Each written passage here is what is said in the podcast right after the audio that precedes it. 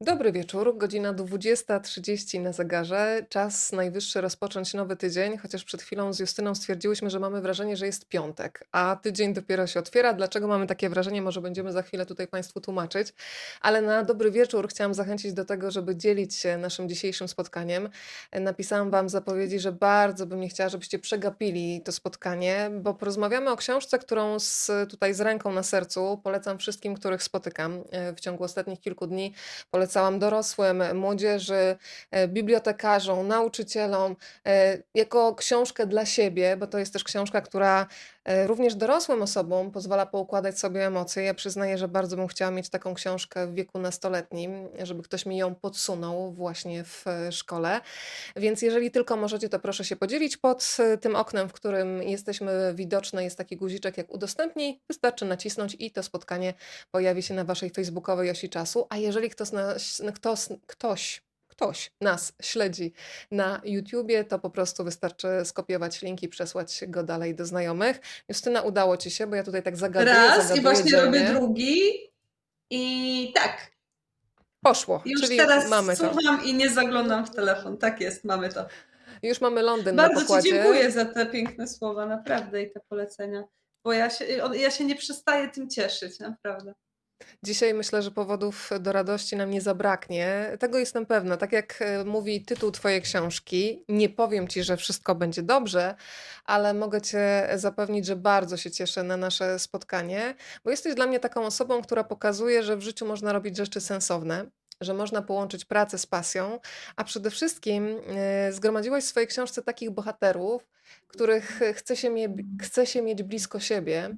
E, I to się w zasadzie spełnia, bo po tej lekturze oni są we mnie, ich rozmowy, ich słowa pracują, więc z tego miejsca też wszystkim Twoim rozmówcom chciałam się niziutko tutaj pokłonić, e, bo budujecie siłę, dajecie nadzieję i za to z całego serca już teraz Wam dziękuję.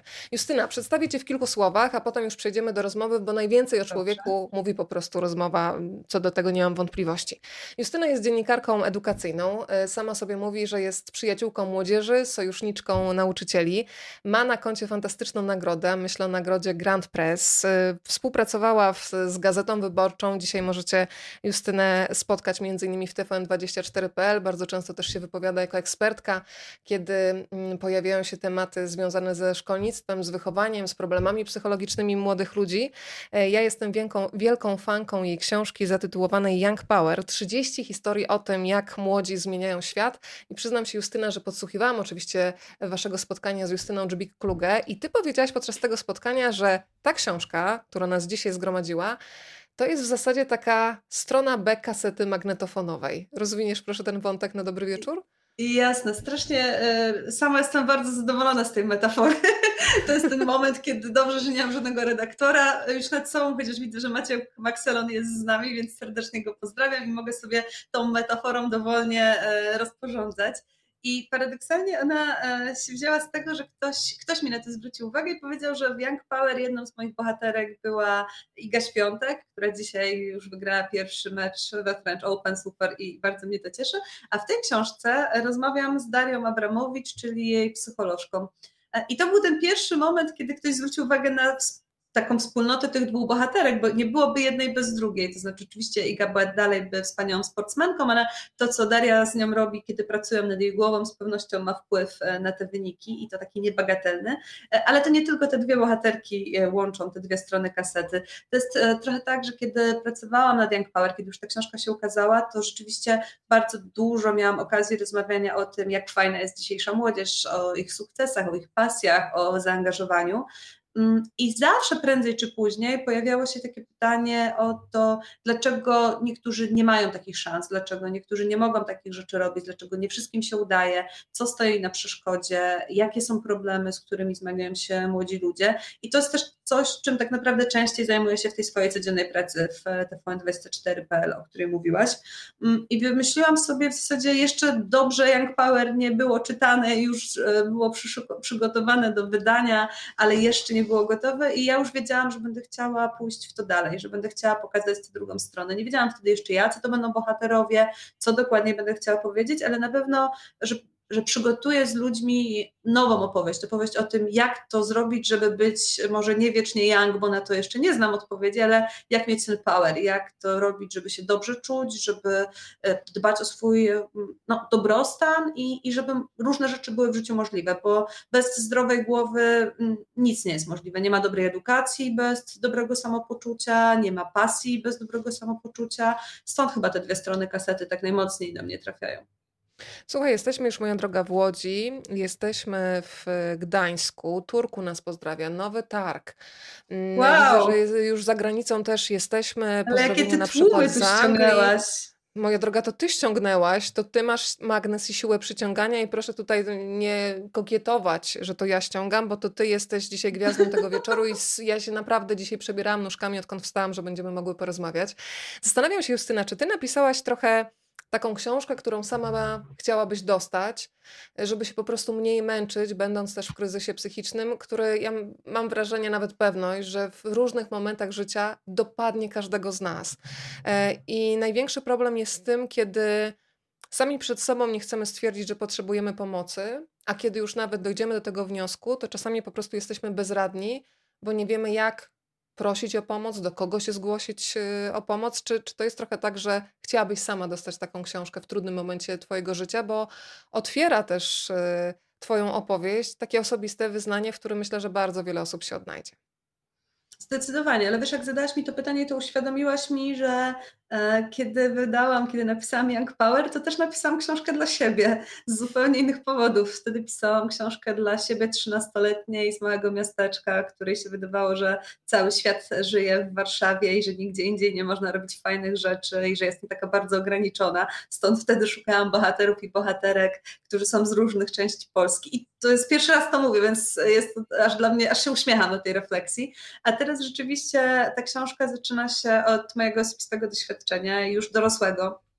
Od tego, kiedy e, po 30 urodzinach zaczęłam mieć bardzo poważne problemy ze snem, taką długo, wielomiesięczną e, bezsenność, e, taką, o której nie opowiadałam specjalnie. To znaczy, jeżeli mówiłam o tym, że nie śpię, to raczej w charakterze anegdotki. Myślę, że już kultowy będzie tekst, który wykorzystałam w książce, czyli że robiłam tiram, Boże, tiramisu, robiłam risotto o drugiej, trzeciej w nocy i dlatego mam jedzenie w pracy, albo właśnie, że chodziłam wokół Pałacu Kultury. To są wszystko prawdziwe historie, obracane w anegdotki, ale niestety w rzeczywistości mało śmieszne. Mm, I kiedy już e, poprosiłam o tę pomoc i zajęłam się fachowo swoim zdrowiem psychicznym i zajmowałam się nim przez e, wiele miesięcy, to bardzo często docierało do mnie, że ja po prostu bardzo mało o tym wiem. A nawet jak wiem, bo jednak obracam się w takiej bardzo, powiedziałabym, progresywnej bańce ludzi, którzy wiedzą, na czym polega depresja, ludzi, którzy wiedzą, jak się zmagać z różnymi rzeczami, e, odkryłam, że ja jestem bardzo wyrozumiała, na maksa wyrozumiała dla innych, ale zupełnie nie wyrozumiała dla siebie, że wszystkie te rzeczy, które, w których innym chciałabym pomóc i u innych rozumiem i mniej od nich wymagam, niestety nie umiem ich przełożyć na to, jak to dla mnie powinno działać. I próbowałam sobie nawet przypomnieć, czy mi kiedy kiedykolwiek ktoś w szkole powiedział coś na temat bezsenności, czy miałam jakąś lekcję, choćby, nie wiem, biologii, żeby wiedzieć, jak mózg wtedy działa, ale tak nie było. Nie, nie przypominam sobie, żeby ktoś mnie uczył o depresji, żeby ktoś mnie uczył o tym, że mogę mieć stany lękowe, bo wydawało mi się, że stan lękowy to jest coś, co od razu widzisz na pierwszy rzut oka, jest to łatwo rozpoznawalne, człowiek nie może oddychać itd., tak itd. Tak Otóż nie, to może być bardzo przyziemne i może przejść niezauważalne. I potem pomyślałam sobie, że wiem, że są już takie miejsca, gdzie młodzi ludzie się tego uczą i są wspaniali nauczyciele, którzy to robią, ale co do zasady to nie jest coś, co byłoby priorytetem szkolnych programów, czy, czy w ogóle priorytetem nas dorosłych, żeby młodych ludzi nauczyć tego, czego my się uczymy na terapiach po trzydziestce. Zobacz, y, już w tym, co mówisz, Państwo się odnajdują, ja również. Kiedy powiedziałaś o tej czułości wobec samej siebie, to jakbyś mi czytała w myślach, sama się złapałam, że chyba ta czułość, którą trzeba uruchomić wobec samego siebie, jest najtrudniejsza właśnie do tego, żeby ją aktywować. Pani Ela tutaj napisała: Oto to, wyrozumiała dla innych, mało wyrozumiała dla siebie, skąd ja to znam. E, mhm. Agnieszka napisała jeszcze ten wstęp, za każdym razem robi mi ciary. To może pozwolisz, Justyna, e, że ja przeczytam ten fragment, który otwiera książkę, tak żebyśmy Jasne. się zanurzyli w tej opowieści. Piszesz tak. Nie spałam przez ponad 8 miesięcy. Na początku po prostu nie mogłam zasnąć i długie godziny przewracałam się z boku na bok. Mój mózg wykonywał skomplikowane operacje dotyczące planów na jutro, na za tydzień, na przyszłość. Gdy już udawało mi się pokonać bezsenność i zamknąć oczy, nie znajdowałam ulgi. Potem opowiadasz o tym, co zamieniasz w anegdotę, no i dochodzimy do tego momentu bardzo trudnego, aż do tego pamiętnego letniego dnia, gdy nie wstałam z łóżka. Zabrakło mi siły. Nie poszłam do pracy i nawet nie dałam nikomu znać, że mnie nie będzie. Przyjaciołom napisałam, że źle się czuję, bez szczegółów. Chcieli pomóc, ale ja nie chciałam pomocy. Nawet nie wiedziałam, w czym właściwie jej potrzebuję. I to jest chyba też kluczowe, że Twoja książka, Justyna, i co do tego jestem przekonana, pozwala ludziom rozpoznać, po pierwsze, że dzieje się coś złego, a po drugie, zastanowić się, jak też dać światu sygnał, żeby ta pomoc mogła zostać uruchomiona. Czy te intencje są jakoś mniej więcej dobrze odczytane?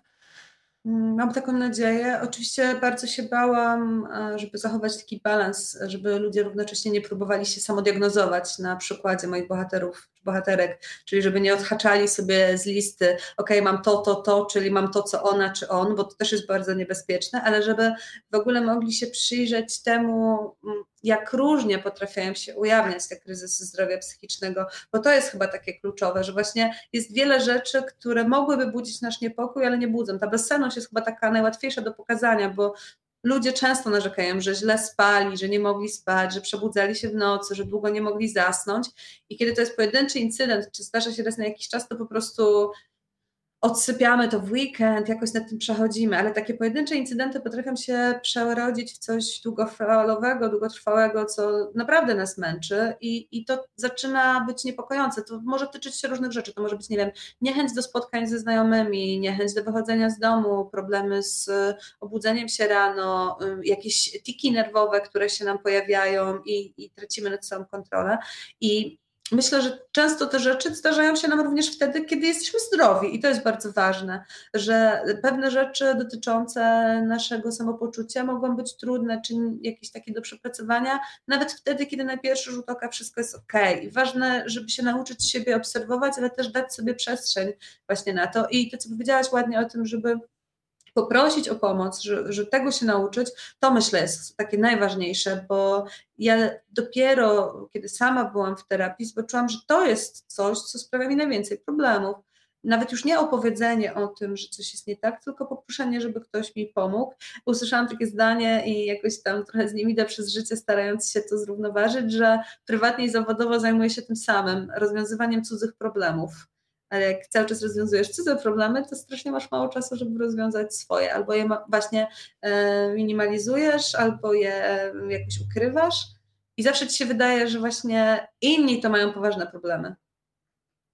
Tak, to prawda. Ja pamiętam też taką wypowiedź jednego z dokumentalistów, Jerzego Śladkowskiego. Ona jakoś też we mnie mocno zapadła, że zanurzając się cały czas w cudzym życiu, właśnie w różnych biografiach, bardzo łatwo przegapić swoje i to jest trochę jak taki E, dzwonek alarmowy. To zdanie mi się bardzo często przypomina, kiedy wiem, że muszę wyhamować i jednak zastanowić się, co ja w tym momencie czuję i czy na pewno dam radę e, zająć się jakąś sprawą, która nie jest moja. Bardzo bym chciała pomóc, ale być może za chwilę ja będę rozłożona na łopatki. I o mhm. tym też między innymi opowiada jeden z Twoich rozmówców, Tomek Bielicki.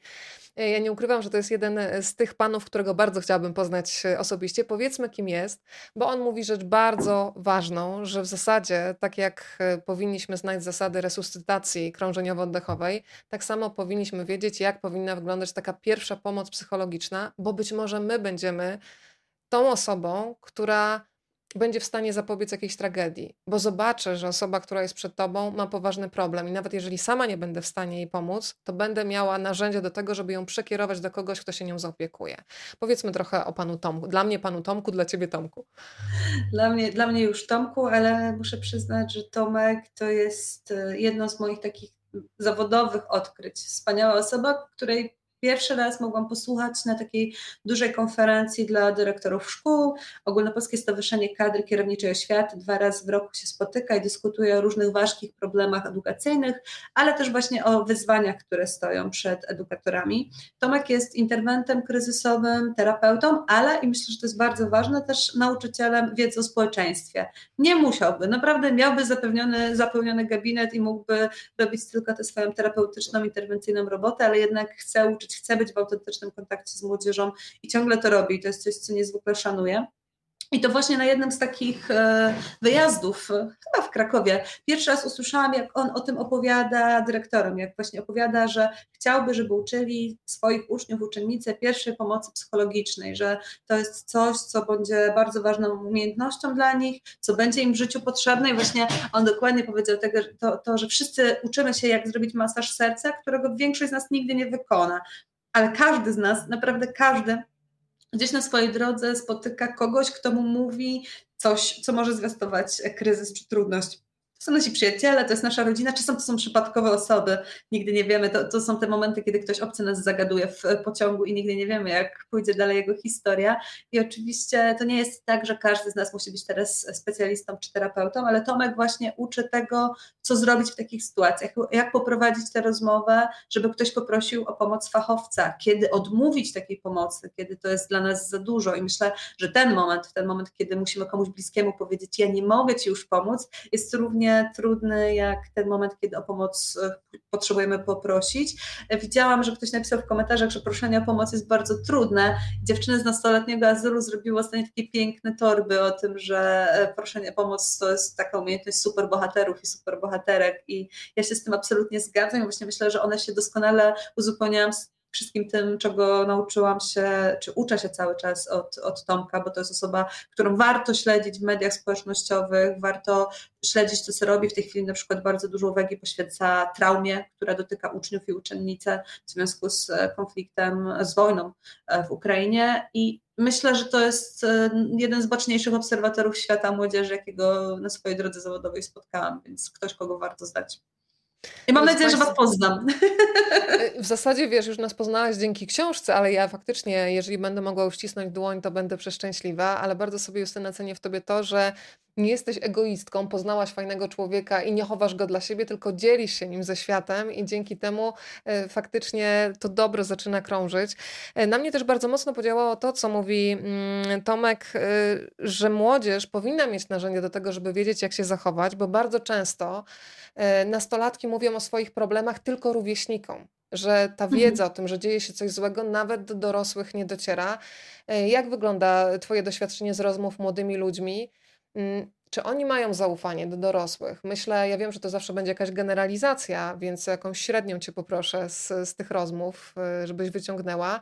Czy oni w szkole mają zaufane osoby, do których mogą przyjść? Czy mają odwagę pójść do rodziców, bo ja sobie całkiem niedawno zdałam sprawę, czytając e, książkę, która jest powieścią Kuby Ćwieka Otchłań, gdzie tam patrzymy na młodych bohaterów, z tego co pamiętam, trzynastolatków, że ja sobie w głowie zakodowałam, że czas młodziej, ten młodzieńczy to jest taka beztroska sielanka i nagle jakbym dostała obuchem w twarz, pomyślałam, nie, to jest jeden z najtrudniejszych momentów, kiedy jesteś trochę pomiędzy światami, że już nie pasujesz do tego ściśle dziecięcego, beztroskiego świata, zaczynasz mieć poważne problemy, wstydzisz się z nim iść do dorosłych, jesteś trochę po środku, a nie masz narzędzi, żeby sobie z tym radzić. Więc co oni ci mówią? Czy oni, kiedy mają poważny problem, idą do dorosłych, czy jednak to są rozmowy właśnie w kręgu rówieśniczym?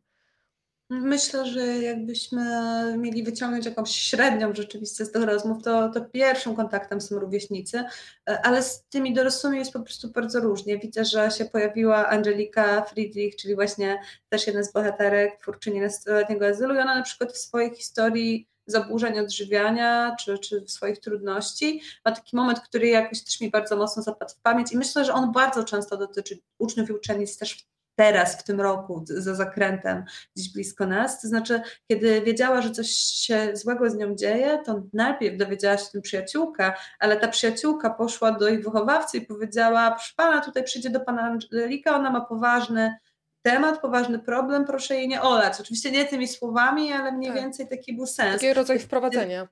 ten rodzaj wprowadzenia, który okazał się szalenie dojrzały, bardzo skuteczny. Angelika dzisiaj wspaniale opowiada o swojej szkole, o dawnym gimnazjum, teraz to jest szkoła podstawowa w Tychach, bo właśnie tam spotkała koniec końców dorosłych, którym mogła zaufać i którzy chcieli pomóc. Raz im to wychodziło lepiej, raz gorzej, ale ona nie ma wątpliwości co do tego, że, że to było autentyczne.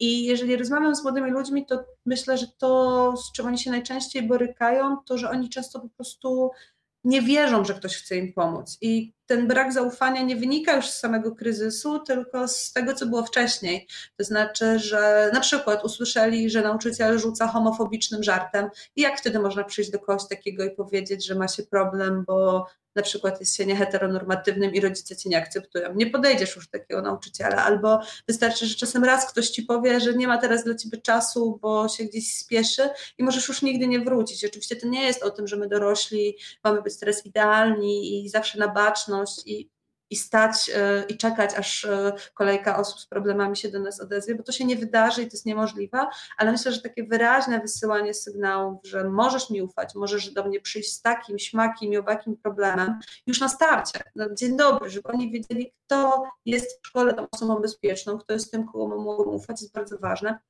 Przywoływany dzisiaj Tomek Bilicki mówi, że szkoła nie jest centrum psychoterapii, nie jest centrum interwencji kryzysowej. To jest oczywiście bardzo ważne. Ja nie chcę nauczycieli i nauczycielek tym wszystkim obciążać, co może się wydarzyć, ale to bardzo ważne, żeby szkoła była takim miejscem, w którym czujemy, że jeżeli nawet nam nie pomogą, to będą wiedzieli, gdzie nas pokierować, że nie zostaniemy um, no nie wiem, olani, tak, to jest bardzo nieładne słowo, ale myślę, że młodsi by go też użyli. Tak. tak um, bo, bo to jest oczywiste, że nie każdy wychowawca, jak ktoś jest y, z całą sympatią i szacunkiem geografem, to naprawdę nie musi wiedzieć, co się robi wtedy, kiedy ktoś się e, sam okalecza, ale on musi wiedzieć, gdzie wtedy pójść i do kogo skierować kolejne kroki, jak z tą osobą e, rozmawiać. I myślę, że, że coraz więcej takich osób w szkołach jest. I oczywiście ja wiem, że ja żyję trochę w bańce i otaczam się ludźmi zaangażowanymi, ale też widzę, jak bardzo nauczyciele w czasie pandemii starali się nadążyć, dokształcić, zaopiekować dzieciakami, które były naprawdę w trudnym miejscu. I szczerze bardziej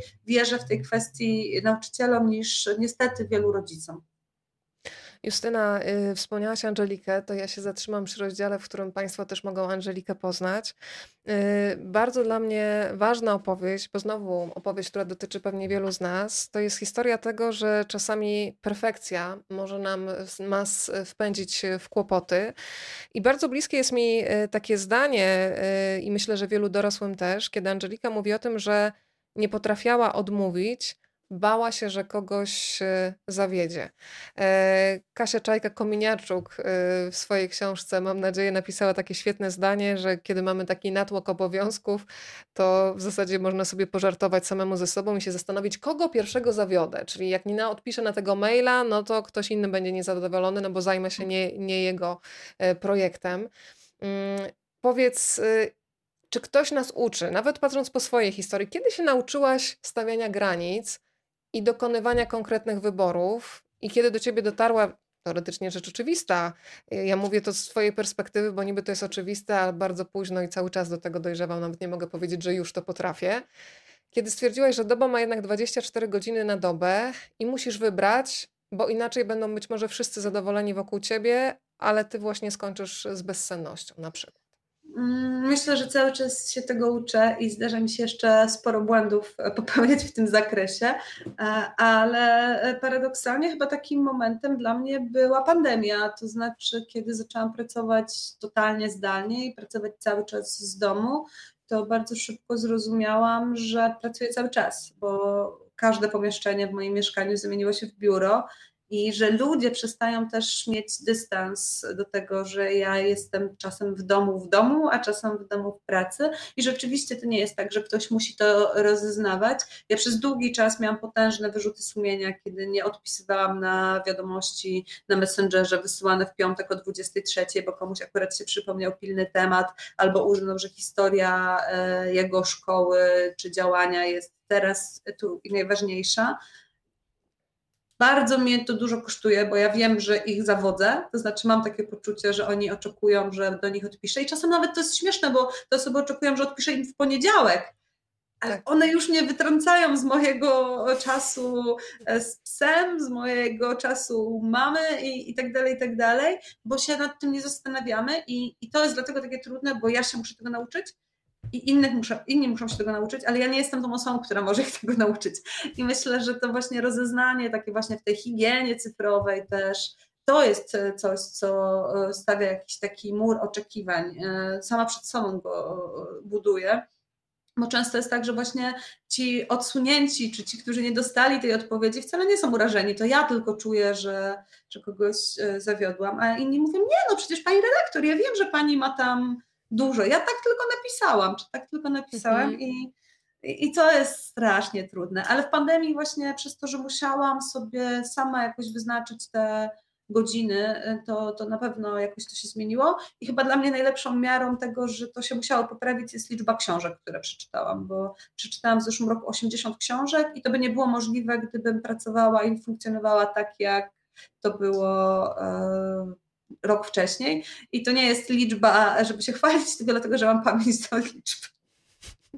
Wiesz co, to jest bardzo ważne. Ja lubię też ten fragment książki, kiedy mm, razem z jedną ze swoich rozmówczyń opowiadacie o tym, że mózg po prostu, kiedy cały czas otrzymuje powiadomienia, musi się przelogować z tego, co akurat robi, nawet żeby zerknąć na trzy sekundy i znowu zajmuje mu, nie wiem, minutę, dwie, żeby wejść w projekt, mhm. Y, od którego nas to oderwało.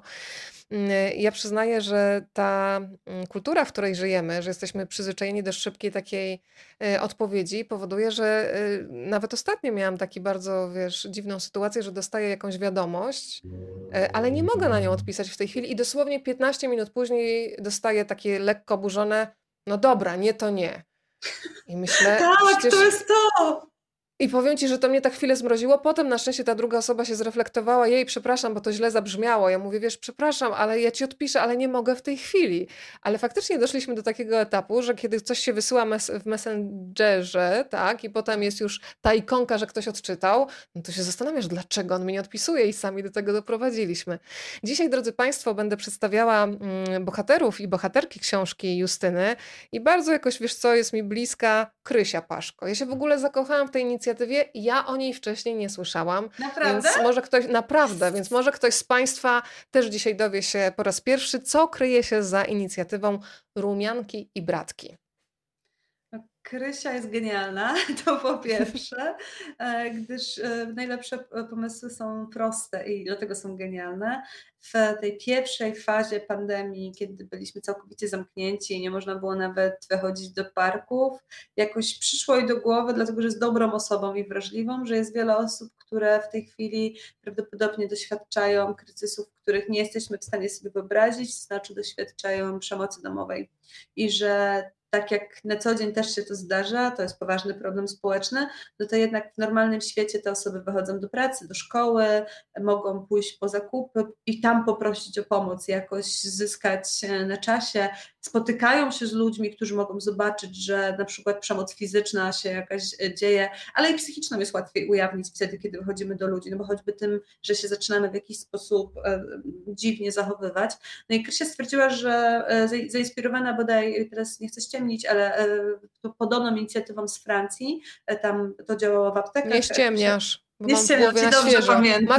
No maseczka no numer 19, opowiedz, tak. bo my tak. teraz wiesz, rzucamy hasła tak, dla wtajemniczonych. Tak, tak. E, maseczka numer 19 to jest hasło, klucz z francuskich aptek. Jeśli się podaje to hasło, to e, farmaceuta wie, że ktoś jest ofiarą pomocy i może wezwać odpowiednie służby albo właśnie coś wysłać na adres, e, który zgłasza osoba, która przyszła po pomoc, a Krysia wymyśliła podobny sposób, stworzyła sklep, w którym nic nie sprzedaje, to znaczy stworzyła sklep kosmetyczny, w którym tak naprawdę jedyną usługą, którą można kupić jest pomoc, to znaczy w zależności od tego, jakiego zwrotu z tego kodu się używa, czy właśnie wymienia się konkretny kosmetyk z dostawą do domu, czy człowiek się tylko rozeznaje na przykład w cenach, to ona wie, jakiej reakcji to wymaga.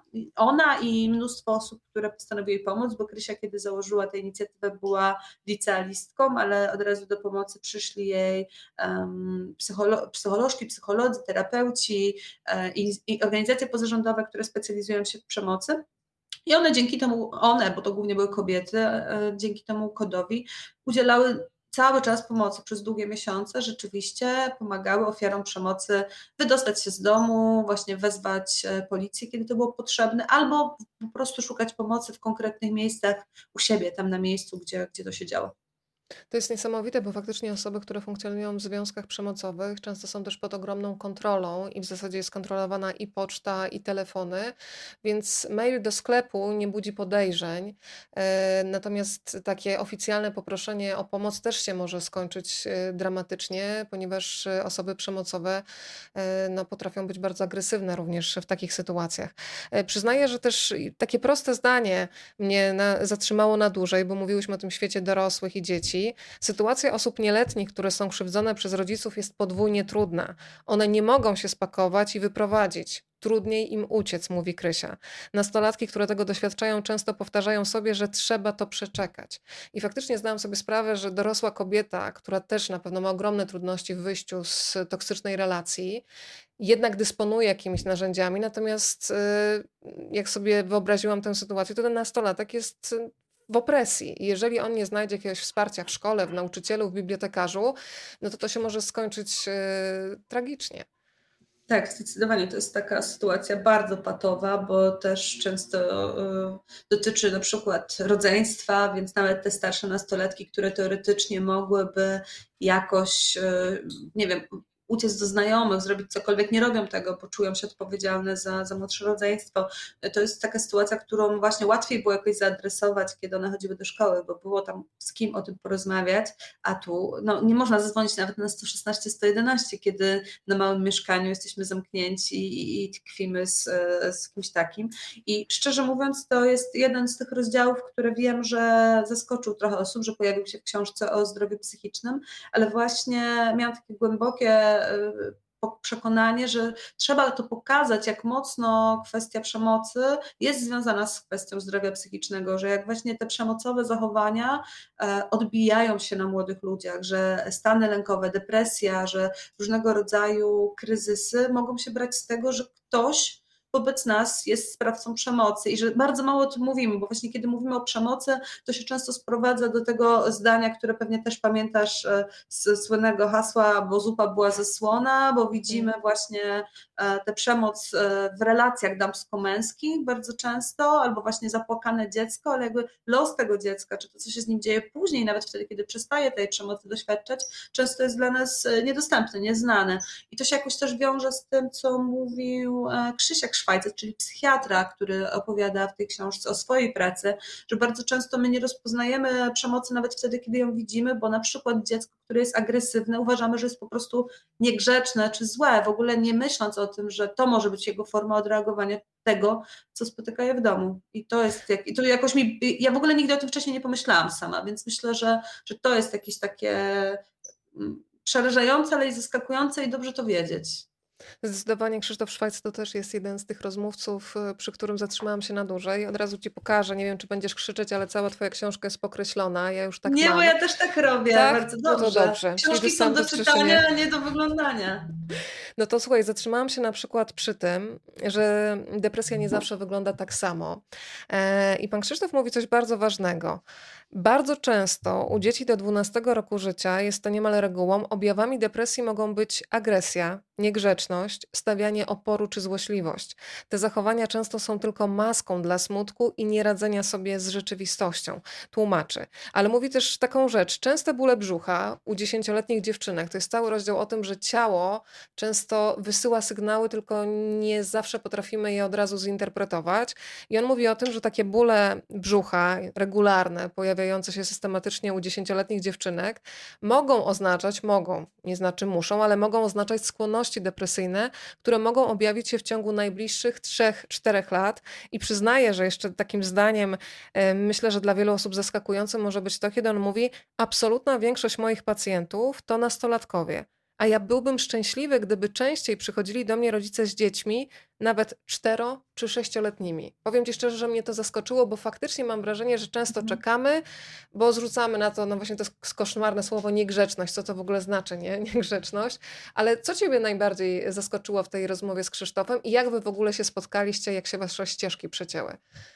To jest, chyba najbardziej zaskoczyło mnie to zdanie, które przeczytałaś jako ostatnie, bo ja też w ogóle nigdy o tym nie pomyślałam. To znaczy, bo w ogóle myślimy o psychiatrze i o psychologach jako osobach, do których idziemy wtedy, kiedy dzieje się coś złego, bardzo złego, już musi być dramatycznie, tak. żeby pójść do psychiatry, a tymczasem on może już pomóc na bardzo wczesnym etapie. A moja e, droga z Krzysztofem przecięła się w jego drugiej specjalizacji, bo oprócz tego, że jest e, psychiatrą dzieci i młodzieży, to jest też specjalistą od e, traumy wynikającej z zagłady, od traumy dziedziczonej i poznałam go w Muzeum Polin e, w czasie jednego z, ze spotkań nie wiem, czy nie organizowanego przez szkołę z klasą, tak mi się wydaje. On był wtedy panelistą w takiej rozmowie, którą ja prowadziłam właśnie o trudnościach różnych, e, które dotykają młodzieży. I to było wiele lat temu, to znaczy to musiało być wiele, sześć lat temu. To nie była taka historia, że to teraz gdzieś e, pandemii, tylko rzeczywiście widzieliśmy się na żywo. I ja nigdy aż do tej książki nie miałam okazji z nim zrobić wywiadu, takiego nawet do prasy. Śledziłam jego działania, ale to była taka osoba, którą cały czas miałam w tyle głowy, między innymi dlatego, że szalenie trudno jest z nim umówić, gdyż udziela porad y, po prostu od świtu do zmierzchu, e, szkoli studentów, szkoli, szkolących, jakby jest naprawdę człowiekiem orkiestrą. I to jest bardzo ciekawe, bo on się zainteresował e, traumą i, i zagładą z własnych doświadczeń, ze swoich osobistych. I na przykład to zdanie, które też mnie jakoś. Um, bardzo mocno, może nie zaskoczyło, ale jakoś tak podsumowało mi całą tę opowieść tak naprawdę innych moich bohaterów i bohaterek. To znaczy, że bardzo często pomagaczami zostają ci, którzy sami potrzebowali pomocy. To znaczy, że taka wewnętrzna potrzeba zrozumienia tego, co się z tobą dzieje, przepracowania tego, jest e, potem skutkuje tym, że masz większą empatię, większą wrażliwość, że zaczynasz się przyglądać ludziom trochę inaczej. I sobie pomyślałam, jak strasznie szkodliwe było coś, co było powtarzane, kiedy ja byłam młodsza i kiedy na przykład wybieraliśmy studia i ktoś mówił, a ta idzie na psychologię, bo musi sobie ze sobą poradzić jako zarzut, a to przecież tak. jest y, coś super. To znaczy, oczywiście nie uważam, żeby studiowanie psychologii zastępowało psychoterapię, bo to nie jest o tym, ale że to nie jest przecież o tym, że jak ktoś ma trudność, czy jakiś problem, czy przychodzi jakiś kryzys, czy ma jakieś zaburzenie, to nie będzie dobrym psychologiem w przyszłości, czy dobrym psychiatrą, bo przecież to, nie, to są zupełnie osobne opowieści. On właśnie próbuje sobie ze sobą poradzić, co jest imponujące. I właśnie to, że w ogóle specjaliści, Daria Abramowicz też o tym opowiada, że sama najpierw korzystała z pomocy terapeutycznej, zanim zaczęła pracować, to to jest klucz tego zawodu, że trzeba sobie poradzić ze sobą, żeby móc pomagać innym. I to było też jakieś takie e, niby oczywiste, jednak zaskakujące. Tak jest i zdecydowanie też tacy terapeuci, na przykład, którzy mają za sobą czas zmagania się na przykład z zaburzeniami odżywiania, są potem dużo bardziej wiarygodni dla swoich pacjentów i pacjentek, bo oni wiedzą, z czym ludzie, którzy siedzą po drugiej stronie się zmagają, bo wiedzą to z własnego doświadczenia. Przy okazji jeszcze pana Krzysztofa, bardzo ważna rzecz. Osobiście nie wierzę, że można postawić porządną diagnozę bez dwóch sesji po 50 minut. I od razu słuchaj, miałam w głowie, kto z Państwa, Państwo mogą pisać, jeżeli tylko macie ochotę, ma takie doświadczenie, że lekarz poświęcił mu te 50 minut razy dwa jak to hmm. wygląda z Twoich rozmów? Bo też y, są takie zdania, teraz jeden do jednego nie zacytuję, ale mam nadzieję, że przekaz wybrzmi. Kiedy jedna z Twoich bohaterek y, wie, że już bardzo potrzebuje pomocy, zapisuje się do psychiatry i robi wszystko, żeby w ogóle dotrwać do tej wizyty, ponieważ ma myśli samobójcze, ale wie, że chce żyć. Szczęśliwie jej się udaje dotrwać. Jak jest w ogóle z dostępnością do psychiatrów, do psychologów? Piszesz w książce o tym, że w szkole w zasadzie tylko 50% uczniów ma teoretycznie dostęp do psychologa, e, chociaż gdyby się też pochylić, no to ten dostęp też jest bardzo ograniczony. Powiedz proszę o tym więcej.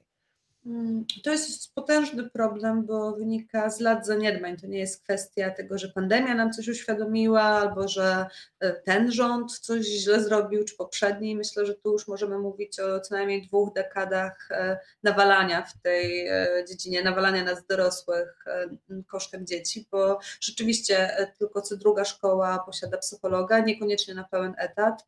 Jakby spojrzeć w skali kraju, to tych specjalistów, pedagogów, psychologów, którzy pracują w szkole, szkołach to jest około 22-23 tysiące etatów. Szkół jest około 30 tysięcy, więc już nawet z racji tego wiemy, że to się nie rozkłada nawet jedna osoba na szkołę, przecież mamy szkoły, które liczą po tysiąc i więcej uczniów i tu jedna osoba nie wystarczy.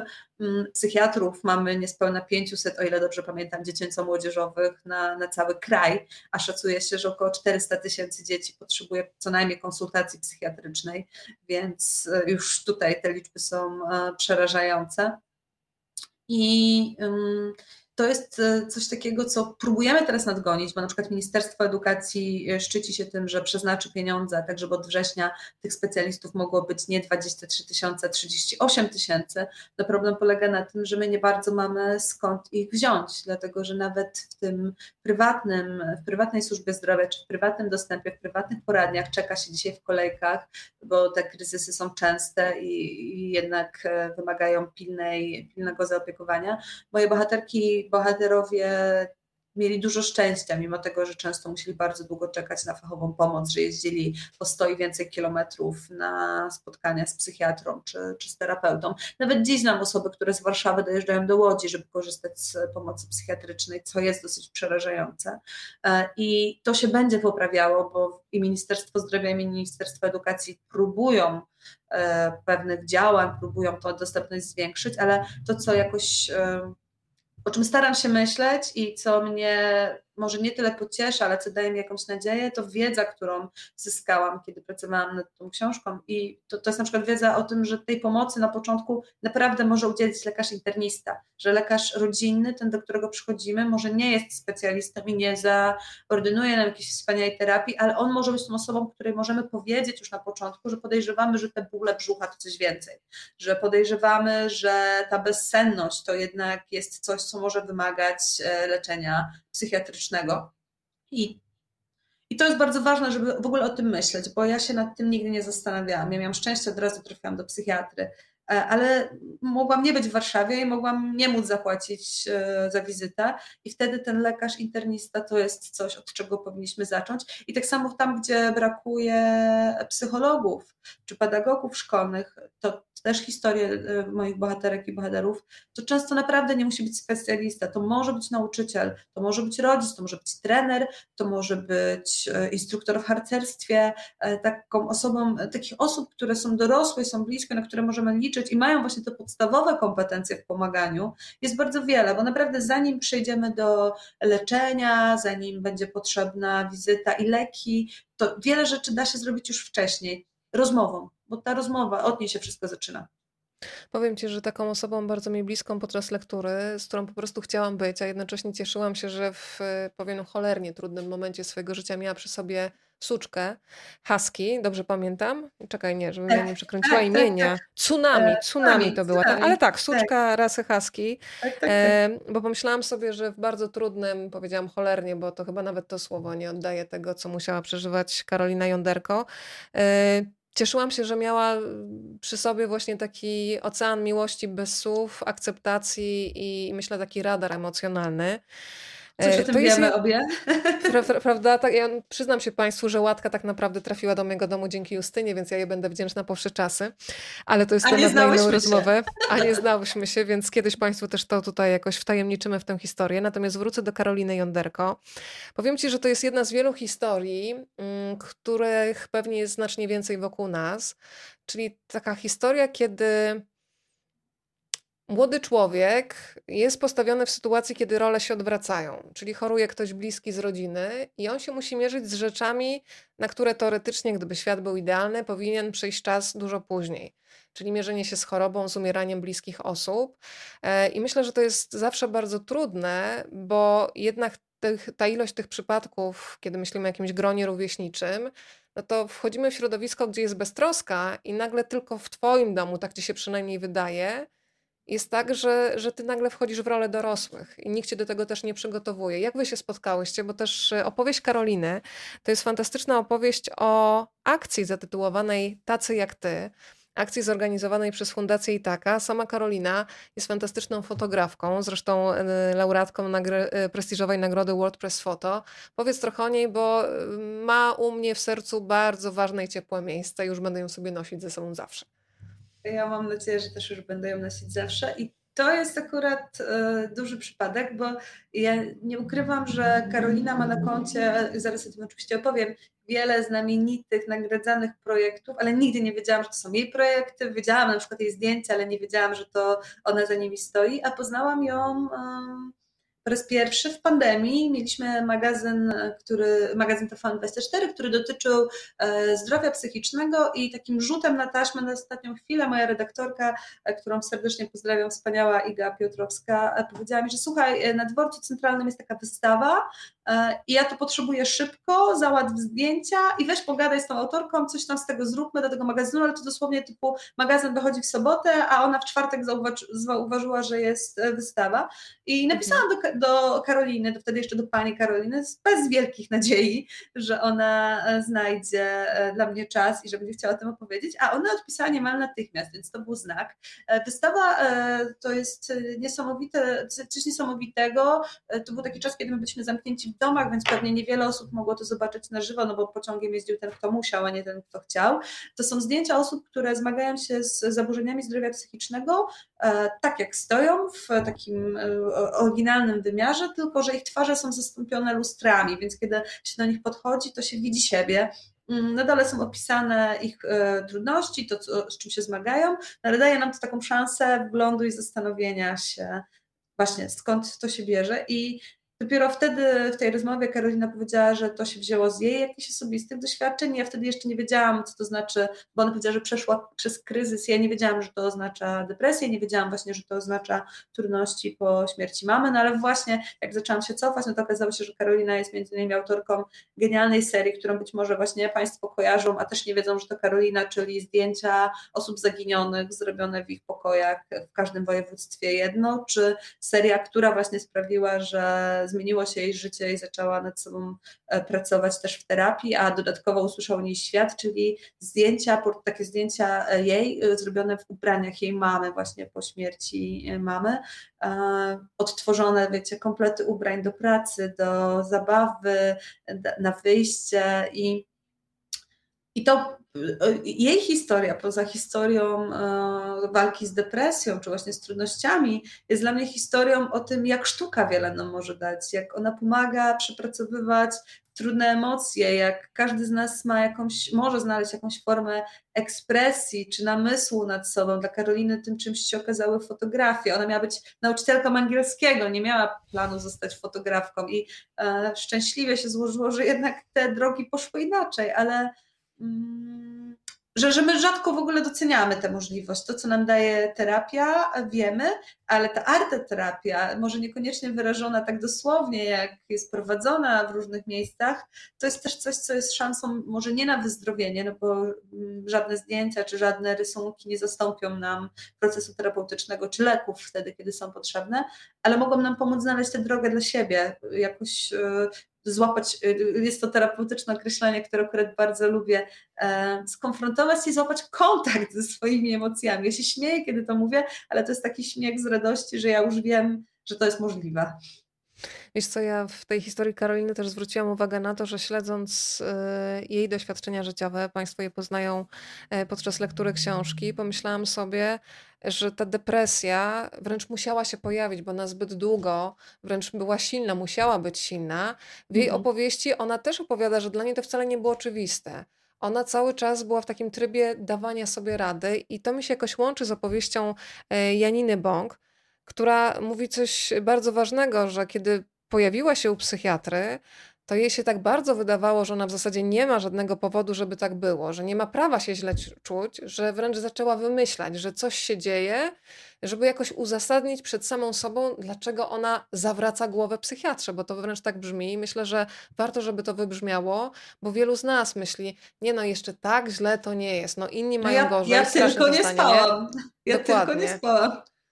Kiedy w tak, ogóle dochodzimy i... do takiego momentu, że nie wiem, czy to wynika też z takiej kultury, żeby czasem swoimi problemami nie zabrać komuś przestrzeni, ale idziesz do lekarza, który właśnie po to tam jest, jest dla ciebie, ale musisz walczyć ze swoją głową, zanim wiesz, sięgniesz tak, po pomoc. Tak, tak. Ja myślę, że to jest w ogóle super trudne. I to jest e, ciekawe, że też że zwróciłaś uwagę w przypadku Janiny, no dosłownie na to, co mnie też jakoś tak uderzyło, że w ogóle ta myśl, że trzeba okłamać lekarza, bo inaczej pomoc ci się nie należy, to znaczy, że masz za mało problemów, to już powinien być pierwszy sygnał, że okej, okay, jakby tu jest coś do zrobienia, bo, bo właśnie, bo nie jesteśmy w stanie nawet przed sobą przyznać, że wymagamy nie interwencji, tylko że zasługujemy na uważność, zasługujemy na to, żeby ktoś nas wysłuchał, żeby się nami zajął i żeby nam pomógł, że każdy z nas zasługuje na tę odrobinę troski. I wiem, że się na pewno pojawią gdzieś w waszych głowach, bo zawsze się pojawiają takie głosy, że od tego mam przyjaciół, albo od tego mam rodzinę, nie wiem, czemu mam płacić za to, żeby komuś e, płakać w rękach i opowiadać o tym, jak mi źle. No właśnie dlatego, że ten ktoś jest nauczony nie tylko słuchać, tylko też wyciągać z tego wnioski, których my i nasi bliscy być może nie będą w stanie zauważyć, nie będą w stanie w ogóle przepracować, bo znamy się bardzo długo, albo bo nie jesteśmy wcale szczerzy w relacjach z najbliższymi, czasem dopiero komuś obcemu jesteśmy w stanie powiedzieć, co naprawdę się dzieje, i nagle się może okazać, że e, właśnie cudza pomoc wcale nam, y, że, że cudza pomoc nas obciąża niekiedy, bo nie jest podana we właściwy sposób, albo że potrzebujemy tej pomocy, ale od kogoś zupełnie innego niż ten, kto nam jej udziela. I to jest wszystko tak trudne i, i myślę, mm, w ogóle nieopowiedziane, że, że takie wywiady jak ten głośny wywiad Janiny w Wysokich Obcasach, to jest coś, czego my teraz bardzo, bardzo potrzebujemy. Takich świadectw, żeby ludzie opowiadali o swoich drogach do zdrowienia, bo wtedy być może ci, którzy jeszcze tego nie zrobili, będą zauważali coraz więcej podobieństw, będą zauważali, że okej, okay, ja też się tak czułam, ja też tak mam, nie w sensie diagnozy, od czego zaczęłyśmy, tylko właśnie prawa do tego, żeby ktoś ci pomógł. To jest niesamowite, bo tworzy się taka wspólnota doświadczeń i tego zawsze też w książkach e, szukam. To nam pozwala przeżyć wiele trudnych sytuacji. Justyna Suchecka, u mnie w domu, u Państwa w domu. Jeżeli są tylko pytania, to proszę się włączać e, do dyskusji. Z przyjemnością te pytania będę Justynie przekazywać. E, bardzo się cieszę, że o kryzysach psychicznych, o chorobach psychicznych już nie trzeba mówić szeptem, że ten głos Twoich bohaterów jest wyraźny i on ma moc pomagania. Ale Janina też wspomniana mówi bardzo ważną rzecz. Nikt nie ma obowiązku obowiązku mówienia innym o swojej chorobie. Nie każdy musi mieć na to siłę i przestrzeń w głowie. Wreszcie, niestety, nie każdy ma taką możliwość, by czuć się bezpiecznie, mówiąc: Hej, choruję, czy nawet mam okresowe trudności, przypomina. E, mam też takie wrażenie, mm, Justyna, nie wiem, czy się zgodzisz, że do takiej decyzji powiedzenia o tym, jakie mamy mm, takie kamienie w takim mentalnym plecaku, którego nie widać, bo widać tylko uśmiech i sukcesy na Instagramie czy na Facebooku. Wiadomo prawda, się dojrzewa. Ale nie wiem, czy się zgodzisz. Ja mam wrażenie, że kiedy zaczęłam mówić otwarcie o różnych trudnych e, momentach życia, to jest to wyzwalające, bo ty już nie tracisz energii na chowanie czegoś, na zastanawianie się, a jak to się wyda, tylko że jakby tak jak, taki, jak mówimy o psach, wiesz, wykładasz się na pleckach, pokazujesz ten biedny brzuszek, no i co, kopnie cię ktoś ten brzuszek? No nie, raczej cię pogłaszczy i w ogóle cię przyjmie. Miałaś taki moment też nawet pisząc tę książkę i wrzucając do niej fragment swojego doświadczenia, takie uczucie, nie wiem, oczyszczające, wyzwalające? No właśnie, to jest bardzo ciekawe, bo parę osób mi już e, powiedziało, jeszcze przed tą książką, chwilę przed tym, jak ona się ukazała, ale już jak było to wszystko gotowe, e, ja udzieliłam e, wywiadu do magazynu Press, branżowego pisma o swojej pracy dziennikarskiej codziennej. No i tam też opowiadałam o tym, co dzisiaj Państwo możecie przeczytać w książce, czyli właśnie tej bezsenności, o tym, jak praca na to wpłynęła, bo tutaj no, jednak rytm dziennikarskiej pracy miał na to spory wpływ. I bardzo dużo osób e, pisało do mnie, że to było bardzo odważne i że mi za to dziękują. Właśnie głaskali po tym brzuszku, który wystawiłam. A ja w ogóle tego nie zauważyłam, że to jest odważne i że trzeba mnie głaskać po brzuszku. Nie dlatego, że już byłam w takiej wspaniałej formie i już tam po prostu nie zauważałam, bo tyle tych rąk do głaskania, tylko dlatego, że ja miałam, miałam to szczęście i ten komfort właśnie, że zaczęłam o tym mówić dużo wcześniej, że to nie jest tak, że ja dokonałam jakiegoś coming outu, czy w tym wywiadzie, czy w książce, bo moi bliscy, moi przyjaciele, moi znajomi, czasem nawet nie tacy, z którymi mam kontakt na co dzień, już to wiedzieli, ale to, to jest bardzo e, oczywiście wiąże się z tym, co ty mówisz, no bo to nie jest e, historia o tym, e, że ja teraz to przeżywam, tylko że ja już mam ten komfort, że ja już od paru e, miesięcy czy od e, myślę, dwóch lat, mogę tak powiedzieć. Jestem głaskana po tym brzuszku i nie muszę nikogo udawać. I Jezu, to głaskanie po brzuszku będzie do mnie wracać. Przepraszam Cię, Weronika, zabiorę Ci tę metaforę.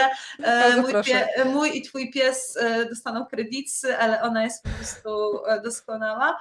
Mm, bo tak, bo to mi dało bardzo duży komfort, że ja nie musiałam już udawać kogoś, kim nie jestem.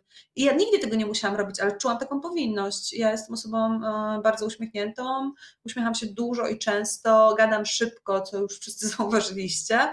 E, I e, nawet jak płaczę, to się uśmiecham. Więc to skonfrontowanie tego wizerunku wiecznie radosnej, zadowolonej dziewczyny z tym, jak się czasem czuję, e, czy jak się czasem czułam, e, na początku było bardzo takie orzeźwiające wręcz. To było jak has świeżego powietrza. Nagle kiedy się okazało, że ja mogę powiedzieć, że ej, ja też się źle czuję. I ja też czasem nie dowożę i ja też czasem nie śpię. Tak, powiem Ci, że y, bardzo bym chciała, żeby też była jakaś taka odsłona, na przykład, skoro już tak funkcjonujemy wszyscy siłą rzeczy w, w mediach, żeby na przykład można było czasem, nie wiem, wrzucić zapłakaną twarz, a dlaczego nie? Też ryczę. I no właśnie bez tego, że wszyscy mnie będą głaskać, tylko dlaczego zawsze mam pokazywać, ale jest wesoło, bo chowamy się w tym, chociaż tutaj też no, od razu się w głowie włącza jakiś ekshibicjonizm, ale po co, nie? E, państwo już zaczynają zadawać pytania, z czego się bardzo cieszę. Już za momencik oddaję Państwu głos. Jeszcze tylko Krzysztof Szwajca mi tutaj się wyświetlił przed oczami, e, bo chowam sobie takie zdanie do kieszeni, może Państwu też się przyda. E, I jutro wyciągam z, z szafy jakąś najpiękniejszą sukienkę bez okazji, nic jutro nie mam, ale sobie będę chodzić, bo on mówi coś bardzo ważnego. Życie, które nie daje nam szczęścia tu i teraz, tylko każe coś ciągle odkładać na później, sprawia, że częściej doświadczamy kryzysów. Jeżeli bez końca czekamy na jakiś etap, który będzie później, to on może w ogóle nie nadejść. Przez oczekiwanie tkwimy w miejscu. E, także Justyna, wyciągamy jutro piękne kiecki i po prostu paradujemy gdzieś po osiedlu bez większej okazji. Pojawiło się pytanie od pani Agnieszki. Dobra, ja to zmieniłam dzielnicę, ale mogę przyjechać. No. Słuchaj, Agnieszka, Zdrajczyni. Agniesz, bardzo jestem ciekawa, co odpowiesz. E, spotkałam się kilkakrotnie z opinią, że każdy nadaje się na terapię, że każdy powinien z niej skorzystać. Co pani na to? Wydaje mi się, że nie mam problemów do przerobienia, ale być może to świadczy o tym, że wręcz e, przeciwnie. Mm, czytam teraz taką książkę, która się nazywa Highland, jak ćpają nasze dzieci. O, będą I... dziewczyny tutaj też. Świetne. O Jezu, to musisz tak. mi dać znać kiedy, bo ja będę wtedy zadawać mnóstwo pytań i słuchać. Cudownie. Od, mam, ja mam tam dużo notatek. I 8 e, czerwca, z tego co pamiętam, jestem, zaraz sprawdzę, ale jestem, mhm. jestem, wy też bądźcie, to, to będzie epicka rozmowa, bo to, co one opowiadają o narkotykach, to jest e, też opowieść o terapii, o tym, dlaczego ludzie e, biorą te narkotyki, bo to są zupełnie inne powody niż te, o których ja zwykle myślałam, ale mówię o tym dlatego, że one bardzo często też mówią o tym, że każdemu by się przydała terapia. Ja też gdzieś widziałam jakieś takie memy, że Polska to jest kraj, który cały powinien wylądować na terapii, ale niekoniecznie dlatego, że mamy problemy do przerobienia, dlatego, że i to jest ciekawe, bo o tym bardzo rzadko mówimy, że terapia może być procesem, który wzmacnia nasze mocne strony albo rozwija nowe, których do tej pory nie mieliśmy, czyli nie wiem, e, ułatwia nam komunikację z innymi ludźmi albo e, ułatwia nam e, porządkowanie sobie czasu, tak? bo uczy nas jakichś technik e, zarządzania swoim e, czasem, kalendarzem. To jest przy różnych rzeczach bardzo potrzebne i wcale nie, ten problem terapeutyczny to nie musi być coś złego, to nie musi być coś trudnego, to nie musi być coś, co wymaga przepracowania, tylko raczej coś, co może wymagać, e, nie, nie wymagać, co może potrzebować rozwoju, co może być dla nas szansą na wzbogacenie się i bycie jeszcze lepszą wersją siebie. I w ogóle takie myślenie o terapii, które rzadko nam się zdarza, bo to zaraz się gdzieś pojawia jakiś coaching, e, różne takie mambo jumbo, które budzą wątpliwości. Tak dobrze poprowadzony proces terapeutyczny też jest szansą i to super. I, i coraz częściej o tym myślę, że, że za rzadko o tym mówimy. Zdecydowanie to w ogóle można potraktować jak takie drzwi do samorozwoju. Ja przyznaję, że trochę mi brakuje terapii.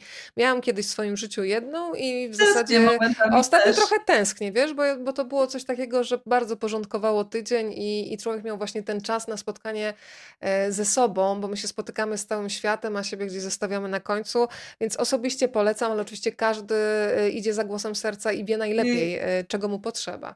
Ja chodziłam Weronika na terapię w poniedziałki o 8 rano. To mobilizacja. A propos porządkowania tygodnia. Ja zaczynałam z grubej rury. Ja jeszcze tutaj mam fragmenty, które koniecznie chciałam Państwu zacytować i znowu Janina nam się mm, objawia, bo mówi bardzo ważne rzeczy. Nie zawsze musimy wiedzieć, co powiedzieć, y, kiedy ktoś się do nas zgłasza ze swoim problemem, ale zawsze musimy wiedzieć, czego mówić nie powinniśmy. Podaję przykład. Nigdy nie powiedzielibyśmy osobie chorującej onkologicznie, żeby wzięła się w garść. To wyzdrowieje. Nie tłumaczymy też osobie ze złamaną nogą, że wymyśla, bo gdyby tylko wystarczająco mocno chciała, to noga by się zrosła i z chodzeniem nie byłoby już problemu. Przecież inni chodzą normalnie. Choroby i zaburzenia zdrowia psychicznego też nie są czymś, co można zwalczyć siłą woli. E, I pisze też bardzo mądrze o tym, że czasami ktoś może odrzucić naszą pomoc i to też jest ok. Ta osoba, mm, opowiada Janina, może nie być na nią gotowa, na pomoc, ale zwy, albo zwyczajnie nie chcieć jej od ciebie i też ma do tego prawo. Mimo to warto spróbować. E, I, i tu też, wiesz, też mi przychodzi do głowy czasami, kiedy ludzie mają problemy, jakoś nie wiem dlaczego wyświetliła mi się taka sytuacja, pogrzebu i składania kondolencji. Nie wiem, czy, czy, czy też masz takie doświadczenia, ale czasami mam mhm. wrażenie, że ludzie zamiast pomóc i zdjąć ciężar, to dokładają jeszcze swoje cierpienie, opowiadając tym, którzy no, doświadczają tragedii, jak bardzo to oni przeżywają, ale jakie to straszne. Ja mam po prostu wrażenie wtedy, że takiego, wiesz, dorzucania plecaka z dobrych intencji. Tylko znowu potrzebny jest ten moment zatrzymania, że teraz Twoje uczucia może powinny być na dalszym planie, bo, bo ta osoba, która właśnie stoi nad trumną, no, jest w najgorszym momencie swojego życia. Ja się uśmiecham nie na myśl o pogrzebie, tylko tak. na myśl o tym, że. O czterech weselach. Prawie, zajrzałam Boże, to chyba było wczoraj. E, ty mówiłaś, że oglądałaś spotkanie z Justyną klubie. Ja podglądałam spotkanie e, Magdy Grzebałkowskiej i Ewy Winnickiej, które Też napisały książkę o tym, jak się starzeć bez godności. E, I tam była ta kwestia gier, które dziewczyny zaplanowały dla czytelniczek i czytelników i ta gra na polskie narzekanie, to znaczy cały czas mam to w głowie, że boli mnie głowa. O nie, stara, jak mi w zeszłym tygodniu bolała głowa. Nie, co ty w ogóle wiesz o bólu głowy w 78, jak byłam w podstawówce, a moja ciotka, Jezu, i to jest dokładnie to samo, czyli um, dla osoby, która jest w złej formie, akurat nie może w przypadku bólu głowy, ale tej żałoby na przykład, takie pokazywanie, że ty masz jeszcze gorzej i inni mają gorzej, a w ogóle właśnie kiedyś to coś tam, bardzo często jest odbierane, ja się tego dowiedziałam od moich rozmówców i rozmówczyń, tak um, namacalnie, ale intuicyjnie, chyba też to sama czułam, jako e, umniejszanie ich problemom. To nie jest, że my komuś powiemy, że też mieliśmy źle, albo właśnie, że tam nam smutno, bo ktoś zmarł, tylko on, ten ktoś czuje, kurde, jakby, no tak, ty tak strasznie cierpisz, a ja to może, może za mało cierpię, albo moje cierpienie nie jest wcale takie wielkie, jakby mi się wydawało, bo przecież właśnie inni mają gorzej. Nikomu nigdy nie pomogła myśl, że inni mają gorzej. Znaczy, tak. trudno mi sobie wyobrazić taką sytuację. Ale wiesz, to też pokazuje na taką nieudolność naszego języka, niezamierzoną. Ja przyznaję, mhm. że od dłuższego czasu zastanawiam się, wiesz, nad taką prostą rzeczą i nie wiem tak naprawdę, w co ją zamienić, bo kiedy, y, no szczególnie w czasie pandemii, te informacje o śmierciach były bardzo częste i pojawiały się, wiesz, te posty, bardzo mi przykro. I sobie tak, wiesz, miałam to wrażenie, wiesz, bardzo jest mi przykro, jak sobie pobrudzę, nie wiem, nową sukienkę, to jest mi bardzo przykro, że to jest tak niewspółmierne i mhm. znowu jest to na to, że mi.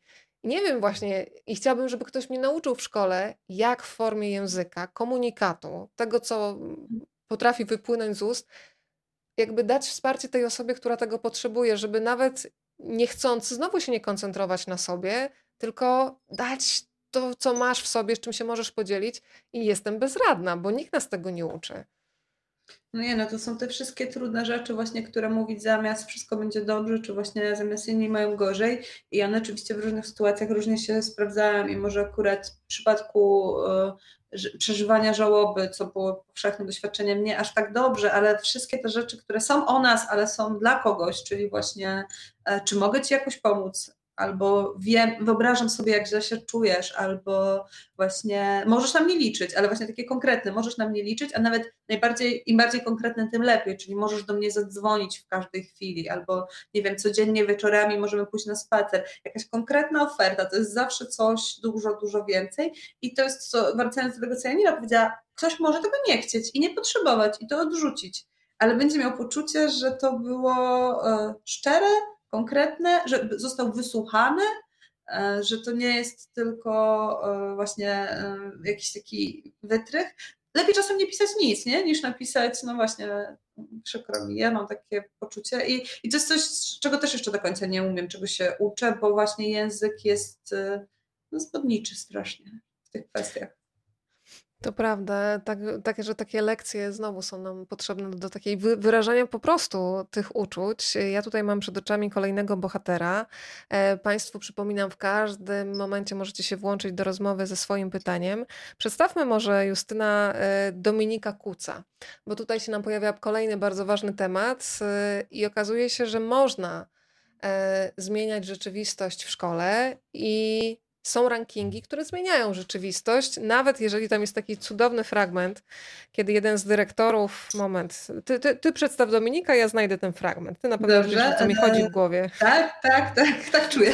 Dominik jako licealista postanowił pokazać, że w szkołach liczy się coś jeszcze oprócz wyniku matur i liczby olimpijczyków i najpierw w Warszawie, a teraz już dwukrotnie w całej Polsce przeprowadził z przyjaciółmi ze wsparciem m.in. kampanii przeciwko homofobii ranking szkół przyjaznych LGBT+, Q+. I to jest taki ranking, w którym to sami uczniowie oceniają swoje szkoły i z jednej strony oceniają to, czy na przykład chłopak może pójść z chłopakiem na studniówkę, ale z drugiej oceniają atmosferę, to czy wszyscy mogą czuć się w szkołach bezpiecznie i to jest chyba e, najważniejsza miara e, tego, jak się e, człowiek może czuć w szkole, bo jak człowiek się czuje bezpiecznie, to w ogóle może się uczyć. Jak się nie czuje bezpiecznie, to nawet najlepsi nauczyciele i najlepsze wyniki nie pomogą mu osiągnąć e, tego swojego edukacyjnego celu. No i mogę Państwu zdradzić, bo strasznie się na to e, cieszę, że w tym tygodniu jadę na Podkarpacie, żeby odwiedzić najbardziej przyjazną szkołę LGBT na Podkarpaciu i jest to szkoła w miejscowości o wdzięcznej nazwie Bogu Chwała. Podkarpacie to jest mój region, ja dokładnie wiem, gdzie jest Bogu chwała, ale przyznaję, że nie spodziewałabym się, że akurat ten region znany no tak w takim powszechnym odbiorze z konserwatyzmu no, takich bardzo konserwatywnego podejścia do życia. Bardzo się cieszę, że to się zmienia i będę czekała na e, tutaj relacje, ale znalazłam ten fragment. E, Dawaj. Kiedy powstał pierwszy warszawski ranking, Dominik był w drugiej klasie liceum. Z uśmiechem wspominam, że gdy rok później w okolicach mojej studniówki zaczęła się dyskusja o tym, czy pary jednopłciowe będą tańczyć poloneza, jeden z nauczycieli powiedział – Musimy pozwolić, bo inaczej spadniemy w rankingu, opowiada. Pomyślałem wtedy i dobrze. Ważne, żeby szkoły mobilizowały się do działań. Dla mnie to był sygnał, że ludzie zaczynają o tym myśleć poważnie. I dla mnie to też jest konkret, bo co innego jest deklaracja, że jesteśmy szkołą otwartą, że jesteśmy szkołą bezpieczną, ale jeżeli to jest tylko w słowach, no to w ogóle nie ma o czym mówić. I tutaj nawet jeżeli kogoś motywuje ten ranking, no dobrze, no to jest jakieś narzędzie nacisku Trudno. czy wpływu, Ważny ale jest działa, efekt. Tak, tak, ja absolutnie tutaj podzielam e, Twój entuzjazm i też mnie to zdanie bardzo cieszyło, e, bo to jest właśnie to, że no właśnie, że działa. E, dyrektor w Bogu chwale też się podobno i zdziwił i bardzo ucieszył, że jego uczniowie jego, te, jego szkołę tak wywindowali, więc zobaczymy, jak to tam działa w praktyce. Pozdrawiamy bardzo gorąco Dominika. A teraz jeszcze powiedzmy kilka słów o Magdzie Bigaj, e, bo to też jest taka opowieść. Zresztą wiem, że ona chyba pracuje nad swoją książką, tak? Więc ten temat będzie można samym redaktorem. nadzieję. O, proszę. Redaktor tutaj ma po prostu jakiś monopol. E, to powiedz trochę o Magdzie Bigaj i o tym świecie internetowym, który jest e, naszą codziennością. Bardzo podoba mi się ta część opowieści, kiedy to rodzice najczęściej mówią najpierw lekcje, potem gry, a wy się tutaj trochę bawicie, bo potem tłumaczycie dlaczego. Najpierw gry komputerowe, potem lekcje i potem jakiś sport. Dlaczego się tak odwra odwracacie tę kolejność? To jest w ogóle e, też rozdział, który chyba mi osobiście dał bardzo dużo, bo jestem osobą przyklejoną do telefonu i nie, nigdy tego nie ukrywałam. E, ale mm, sprawił, że trochę inaczej o tym przyklejeniu zaczęłam myśleć. Magdę Bigaj poznałam przy okazji pracy dla Fundacji Dbam Mój Zasięg, która bardzo uważnie, z dużą wrażliwością i zrozumieniem przygląda się nastolatkom i temu, jak e, nastolatki, też młodsze dzieci, ale głównie nastolatkom e, działają w sieci, jak korzystają z nowych technologii, co lubią, czego nie lubią. No, mają mnóstwo różnych fantastycznych badań i wielokrotnie robiłam z Magdą rozmowy, a to na przykład o tym, w co grają dzieciaki i dlaczego my nie wiemy, jak nazywają się bohaterowie ich ulubionych gier, albo właśnie co oni w zasadzie robią w tym internecie, po, poza tym, że przestań ciągle patrzeć w komórkę, to często nie mamy do powiedzenia za wiele o tym, dlaczego oni patrzą w tę komórkę. E, I rozdział higieny cyfrowej, za którym Magda stoi, to jest tak naprawdę rozdział o tym, jak my moglibyśmy się poukładać e, w tym cyfrowym świecie, żeby było nam dobrze. I mam takie poczucie, że on e, może nawet więcej da rodzicom i nauczycielom niż samym nastolatkom. Zawiera zestaw rzeczy, które mogą się wydawać oczywiste na pierwszy taki, na pierwsze przesłuchanie, ale potem musimy się zastanowić, czy rzeczywiście z tych rad korzystamy. Na przykład ja dopiero po rozmowie z Magdą odobserwowałam e, profile w internecie, które mnie wkurzają. Ja to robię ja, teraz po twojej książce. Ale, ja, ale dlaczego my to oglądałyśmy? Powiedz mi, czemu ja oglądałam te dziewczyny, które mnie irytują i przez które czasem mam poczucie, że wszystko robię w życiu źle? Ja nie wiem, znaczy nie umiem po prostu odpowiedzieć, bo wszyscy oglądają, albo nie wiem, bo chciałam być na bieżąco, czy coś, a teraz po prostu unfollow, unfollow, unfollow. O Boże, czemu jeszcze Cię oglądam? Unfollow i i to jest coś w ogóle niesamowitego. Y, rzecz, którą już wcześniej praktykowałam i też Wam bardzo polecam, czyli zmniejszenie liczby powiadomień. Ja mam w tej chwili powiadomienia tylko na WhatsAppie i na SMS-y, bo to są te formy, w których rodzina się z mną kontaktuje w sprawach pilnych, a całą resztę po prostu odczytuję, kiedy mogę kiedy potrzebuję, a nie wtedy, kiedy telefon mnie potrzebuje. E, I myślę, że to jest coś, co zwłaszcza po tych dwóch latach w pandemii, kiedy byliśmy przyklejeni do ekranów, e, wymaga takiego zweryfikowania. Każdy z nas powinien się zastanowić nad tym, co i dlaczego robi. Ja nie jestem zwolenniczką ograniczania czasowego, zresztą Magda też nie i myślę, że dlatego nam się tak dobrze rozmawiało. Wszelkie formy pod tytułem będę korzystać tylko dwie godziny dziennie zwykle kończą się nie najlepiej.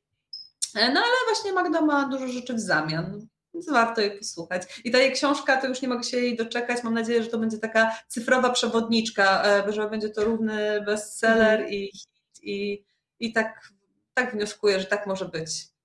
No to skoro redaktor ten, ten sam, to są jakieś przecieki, kiedy ta książka ma być? Jakiś de deadline znasz? Czy mamy no jeszcze ja długo wiem, czekać, ja, czy nie? Ja nie wiem, ale ja mam nadzieję, że to będzie w tym roku, bo tam jakieś takie intensywne prace trwają, więc może to jest taki, wiesz, prezent na święta, ale nie wiem tego, tylko wnioskuję z e, intensywności pracy. Redaktorze, jeżeli jeszcze jesteś z nami, to daj znać, bo tutaj już czekamy. E, Marta, e, Magda Bigaj mówi takie mm, bardzo fajne zdanie. Niby znowu oczywiste, ale musi ci ktoś je wypowiedzieć na głos, żeby do ciebie dotarło. Często zapominamy, że mamy kontrolę nad tym, co widzimy w internecie. Oczywiście algorytm podrzuca nam różne treści, ale trochę musi się nas słuchać. Sama usunęła y, z obserwowanych wszystkie konta, które jej zdaniem nadmiernie używały filtrów i pokazywały bardzo wystudiowaną rzeczywistość, bo to źle na nią wpływało, wywoływało smutek lub irytację. Dlaczego nawet ich dresy nie wypychają się na kolanach? Zostawiła sobie dziewczyny. To jest cudowne. Dziękuję. Zostawiła sobie dziewczyny, które pokazują normalne życie. Dobrze wybierać profile, które z nami współgrają albo nas rozwijają. Ja na przykład lubię robić na drutach, opowiada Magda i tam odkrywa konkretne konta, ale jest też konkretne zdanie. Szanujmy swój mózg i nie pozwalajmy algorytmom aplikacji obrzygać się bezwartościowymi treściami. I to do mnie trafia, to jest konkret, tak. bo tak jak powiedziałaś, wielokrotnie oglądałam jakieś konta, po których rejestrowałam bardzo duży spadek nastroju, bo ja mam wrażenie, że ja nic nie ogarniam, że jestem spóźniona o 10 lat ze wszystkim, tutaj wszyscy już ogarnięci w każdej możliwej dziedzinie, a ja po prostu w tych dresach jeszcze wytartych na kolanach, nie?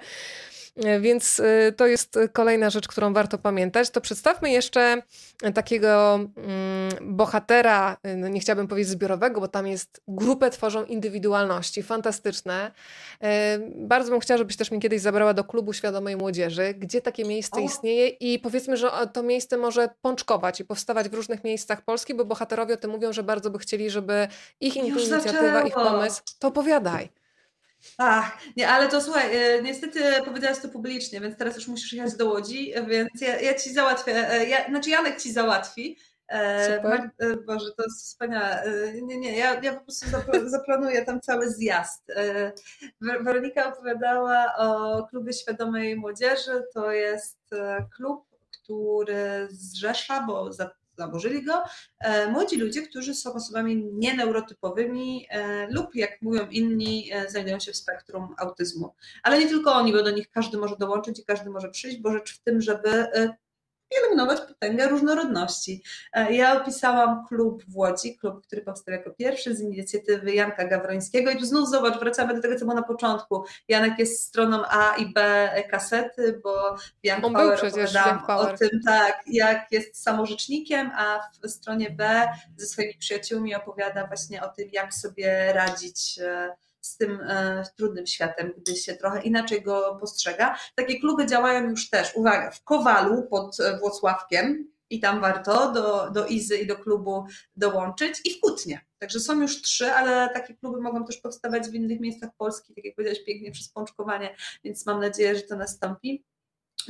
Jaka jest ich idea? Idea jest taka, żeby ta różnorodność to było coś, e, co jest też szansą, co wymaga poznania, wysłuchania, co czasem jest dla nas, osób neurotypowych, trudne i niezrozumiałe i kłopotliwe, ale co jeżeli przełamiemy swoje bariery, swoje obawy, czasem wstyd, czasem e, jakieś takie niefajne emocje, może nam dać e, dużo szans. Ja na przykład jestem przekonana, że dzięki dziewczynom z klubu dużo uważniej będę teraz słuchać, bo one mi uświadomiły, że ja czasem nie uzyskuję odpowiedzi, bo traktuję je tak jak każdego mojego innego rozmówcę, czyli ja pytam, oni nie odpowiadają, to znaczy, że nie chcą odpowiadać, więc zadaję następne pytanie, a tymczasem akurat dla jednej czy drugiej mojej bohaterki potrzebny był czas, żeby sobie to przełożyć, to pytanie z na przykład języka metafory na język konkretu, że ona się potrzebowała zastanowić, co ja tak naprawdę chcę usłyszeć e, i, i to jest jakieś takie super e, ważne. A z kolei Janek, kiedy mówi o zakładaniu klubu, to dużo opowiada o tym, bo to on był jego inicjatorem, że dla osób w spektrum mamy e, dwa rodzaje aktywności: edukację i terapię a bardzo rzadko proponujemy im coś e, normalnego. Wyjście do muzeum, obejrzenie wspólnie filmu, zrobienie warsztatów o rozwijaniu pasji czy retoryki, e, warsztaty fotograficzne. Dlaczego oni mieliby z tych wszystkich rzeczy nie móc korzystać? I pewnie pojawia się w części głów, w części Państwa takie pytanie, a czemu nie mogą tego robić z wszystkimi innymi? No choćby dlatego, że czasem jest to dla nich trudniejsze. Nie wiem, nie znoszą jasnego światła albo mają problemy z hałasem i potrzebujemy trochę dopasować do nich realia, ale jak już je dopasujemy, to mogą korzystać na takich samych pełnych prawach jak wszyscy inni, ale też nie korzystają, dlatego że przez to, co jest ich supermocą, mają też niekiedy duże problemy, to znaczy na przykład problemy w nawiązywaniu relacji. I nie dlatego, że osoby z spektrum autyzmu nie chcą się przyjaźnić czy nie lubią ludzi, bo to nie jest prawda. Po pierwsze, nie ma dwóch takich samych osób w spektrum i, i to jest jakaś taka mhm. rzecz, e, o której często zapominamy. A po drugie, no dlatego, że po prostu my nie potrafimy też z nimi tych relacji nawiązać, mimo że to my jesteśmy w tej uprzywilejowanej pozycji, bo to nam łatwiej jest zauważyć, że coś jest nie tak albo że coś wymaga reakcji. Oni często tej reakcji mogą nie zauważyć w porę, albo nam się wydaje, że w porę. No i to jest rozdział, którego myślę, że mogę to mówić. Nie miało być wcale w książce, ale jak pojechałam do Łodzi, to potem przez cztery tygodnie o niczym innym nie mówiłam i redaktor Maxelon jakby w ogóle, znaczy on nie dyskutował, nie mówił, że nie mogę go napisać, tylko miał takie, ta książka jest już gruba. Okej, okay, jedź. Pojechałam. I to jest chyba, nie wiem jakie ty masz doświadczenia, ale to jest chyba najbardziej optymistyczny rozdział mimo wszystko. Znaczy, on mnie zostawił z taką nadzieją, że, że może być lepiej, że nie wszystko będzie dobrze, ale może być lepiej. Wiesz co, ja w tym rozdziale bardzo lubię mm, list, y, który dostałaś mm, od Moniki, bo on mi też mhm. uświadomił, że my żyjemy w ogóle mm, w takich mediach, gdzie liczy się skrót. E, mhm. Ja przyznaję, że na przykład po trzech latach prowadzenia maratonów literackich, gdzie czasami, wiesz, zdarza nam się rozmawiać dwie godziny, to wiem, że miałabym problem, żeby się zmieścić w trzech minutach, bo miałabym wrażenie, że cię przedstawię i będziemy już musiały kończyć, co można powiedzieć tak. w trzy minuty. E, I pomyślałam sobie, że mm, nie jestem w spektrum autyzmu, ale jednocześnie doskonale rozumiem Monikę, która mówi coś takiego. Potrzebujemy więcej czasu na zastanowienie. Moje odczucia były zawsze takie, że jeśli nie odpowiem w ekspresowym tempie, to ludzie uznają, że jestem kompletną idiotką i nie mam nic ciekawego do powiedzenia, że nie mam swojego sensownego zdania na żaden temat i w ogóle nie warto się do mnie odzywać, bo o czym można ze mną porozmawiać? A ja miałam mnóstwo ciekawych rzeczy do powiedzenia, ale ludzie nie chcieli czekać, aż się namyślę. Zostawiali mnie więc z moimi niewypowiedzianymi przemyśleniami, a ja miałam poczucie krzywdy. I powiem Ci, że bardzo mi to pasuje do tempa mediów, kiedy potykamy często mhm. mikrofon komuś, przestawiając go do ściany. E, a ktoś mi powiedział takie zdanie, myślę, że Monice to by się mogło też spodobać, że istnieje coś takiego jak naturalny poród słowa, że tego się nie da przyspieszyć jakąś oksytocyną sztuczną, że nagle coś wiesz, powiesz sensownego. I ten namysł e, Moniki bardzo jakoś ze mną został, e, bo lubię, kiedy jest przestrzeń, żeby się zastanowić. Jak ty masz, Justyna? Ja właśnie się łapię na tym, że często sobie tę przestrzeń ograniczam i innym ją ograniczam, bo właśnie się spieszę, bo deadline, bo trzeba, bo jutro, bo coś tam. A jak pojechałam do, do Łodzi jeden raz, drugi raz, potem pojechałam do Kowala, jeszcze tylko w Kutnie nie byłam, ale mam nadzieję, że to też e, nastąpi, to zobaczyłam, że ja po prostu, że ja to umiem, że ja tylko muszę sobie przypomnieć, jak się tak rozmawia, żeby kogoś wysłuchać i dać mu dokończyć zdanie i pomilczeć chwilę. Boże, my się w ogóle nie uczymy milczeć, bo przecież nie wolno e, tak, e, w radiu to w ogóle nie, ale e, to milczenie jest jakąś taką straszną rzeczą, że wszyscy się stresują, jak się robi cicho. A może po prostu czasem trzeba na siebie popatrzeć. I to jest takie dla mnie też ciekawe doświadczenie, bo ja ten rozdział, kiedy już był napisany, przeczytałam właśnie na głos w całości strasznie długo to trwało, dopiero wtedy sobie uświadomiłam, ile ja napisałam e, młodzieży z klubu świadomej młodzieży w Kowalu. I właśnie to, co się wydarzyło, jak skończyłam czytać, to była bardzo długa cisza. I e, to oczywiście mój mózg mógł włączyć komunikat, o mój Boże, to jest bardzo źle i niedobrze, bo oni milczą, ale oni milczeli właśnie po to, żeby sobie to przetrawić, żebyśmy mogli o tym pogadać i, i to jakoś do mnie cały czas wracało. Także no, mam nadzieję, że odrobię te lekcje, że to nie jest takie jednorazowe, że to już ze mną zostanie, bo, bo też mam taką potrzebę. Y, mówię jak karabin, ale tak staram się też czasem zwolnić. To Justyna, to ja z boku powiem, że ty tę lekcję doskonale odrobiłaś, bo mam wrażenie, że właśnie pisanie książki jest daniem przestrzeni do namysłu, bo można robić szybkie, krótkie materiały i tego wymaga telewizja, żeby była esencja, żeby coś, co pobudza ciekawość, ale książka chyba jest właśnie czymś takim, że ty dajesz przestrzeń, że te wszystkie szybkie myśli zwalniają i ty je świetnie układasz i one nie dość, że przeczytane, to one cały czas we mnie pracują, więc o jest, dziękuję ci szósteczka bardzo. z tego tutaj zadania domowego.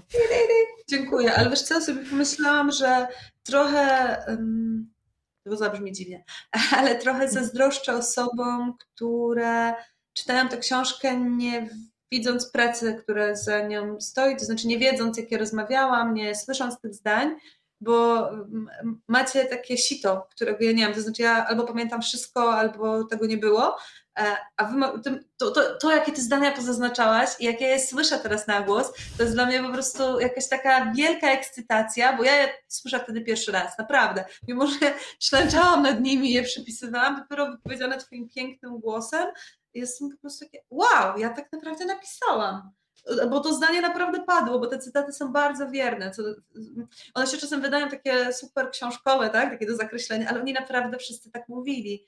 E, I to, to jest w ogóle wow. Dziękuję, bardzo dziękuję. To ja dziękuję. Tutaj e, wzajemna wdzięczność. E, słuchaj, jest taki rozdział, który mnie bardzo poruszył, bo nie wiedziałam, że jest aż tak źle, jeżeli chodzi o postrzeganie naszego ciała. E, przyznam ci się, że bardzo długo w zasadzie też myślałam o ciele trochę jakbym takim, wiesz, odrębnym opakowaniu, tak rozdzielałam umysł od ciała i, i często nawet zazdrościłam ludziom, na którymś, wiesz, oglądałam się za ulicy, za takimi ludźmi, którzy widać było, nie wiem jak to nazwać, że są po prostu rozgoszczeni w swoim ciele, że po prostu idą, płyną, wiesz, niezależnie od sylwetki, ale widzisz, że oni są w sobie. E, mhm. Ja bardzo długo, wiesz, miałam, albo się garbiłam, albo coś tam, wiesz, coś chciałam schować i, i patrzyłam na tych ludzi i zazdrościłam takiego rozgoszczenia w sobie.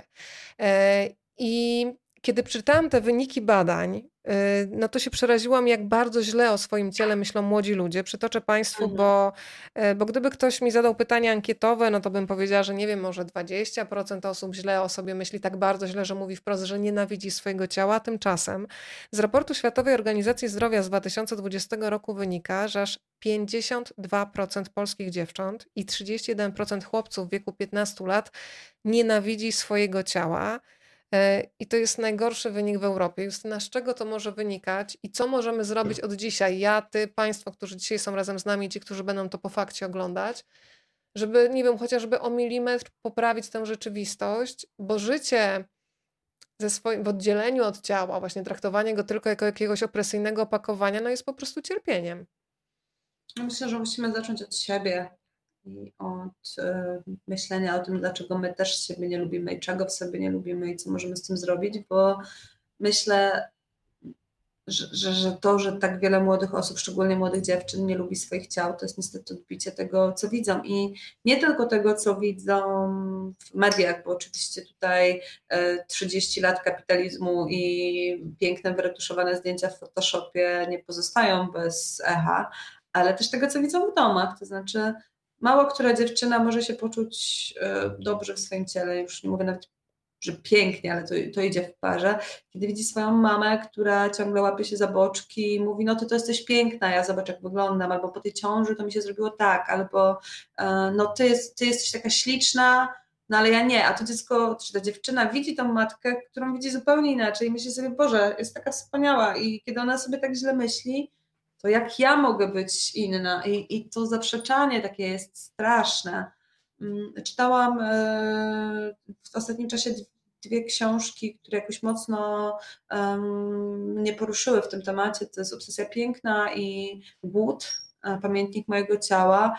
I, I myślę sobie, że my bardzo dużo uwagi poświęcamy ciału, ale po prostu w niewłaściwy sposób, bo właśnie ciągle myślimy o tym, jak je odchudzić, wyszczuplić, e, wygładzić, wyrównać a nie o tym, jak je polubić, jak się w nim po prostu dobrze, dobrze czuć. Mm, dziewczyny z akcji Spójrz na siebie, które pomogły mi przy rozdziale o pozytywności, to teatrolożki, więc to y, znowu wracamy do wykorzystywania sztuki, do przepracowania jakichś swoich doświadczeń i też do wykorzystania i przepracowania doświadczeń z ciałem. E, te osoby, które bardzo mocno pracują w języku i to jest też część tego, o czym Ty mówiłaś, że my po prostu czasem bardzo bezwiednie używamy słów, które ranią i które krzywdzą i i dlatego musimy zacząć od siebie, od tego przyjrzenia się temu swojemu ciału, od, od tego zastanowienia się, dlaczego niesiemy je jak jakiś ciężki bagaż, a nie jako e, szansę. E, I to jest strasznie trudne, bo no, wszystkie, wszyscy coś w nim mamy takiego, co, co nam komplikuje życie, bo ktoś nam kiedyś powiedział, że mamy krzywy nos, albo bo ciocia powiedziała, że zaciągamy lewą nogą, albo babcia mówiła, że mamy pocałowate policzki i, i tak dalej, i tak dalej. Tych rzeczy jest przecież strasznie dużo. E, to są rzeczy, których nikt inny w nas nie zauważa poza nami samymi. Mm, dlaczego w Polsce jest dużo gorzej niż na świecie? To jest coś, co mnie jakoś y, strasznie porusza i na co nie mam dobrej odpowiedzi. I nie wiem, dlaczego tak jest. Nie wiem, czy to jest ta nasza kultura właśnie narzekania i takiego wynajdywania w sobie wad. Nie wydaje mi się, nie ma chyba czegoś takiego jak typowy Polak mimo wszystko w tej kwestii. Tak. Niemniej no jest to coś, co, co wymaga bardzo pilnego zaopiekowania, bo przecież e, to się bardzo mocno wiąże ze zdrowiem psychicznym. Samoakceptacja i cała pozytywność to są podstawy dobrostanu. Ja też sobie zaczęłam myśleć, wiesz co, Justyna, takiej rzeczy, na którą znowu nie zwracałam uwagi, bo trzeba włączyć uważność, żeby zobaczyć, bo dziewczyny Natalia mówi coś ważnego, że wszyscy w tym uczestniczymy, komentując cudzy wygląd.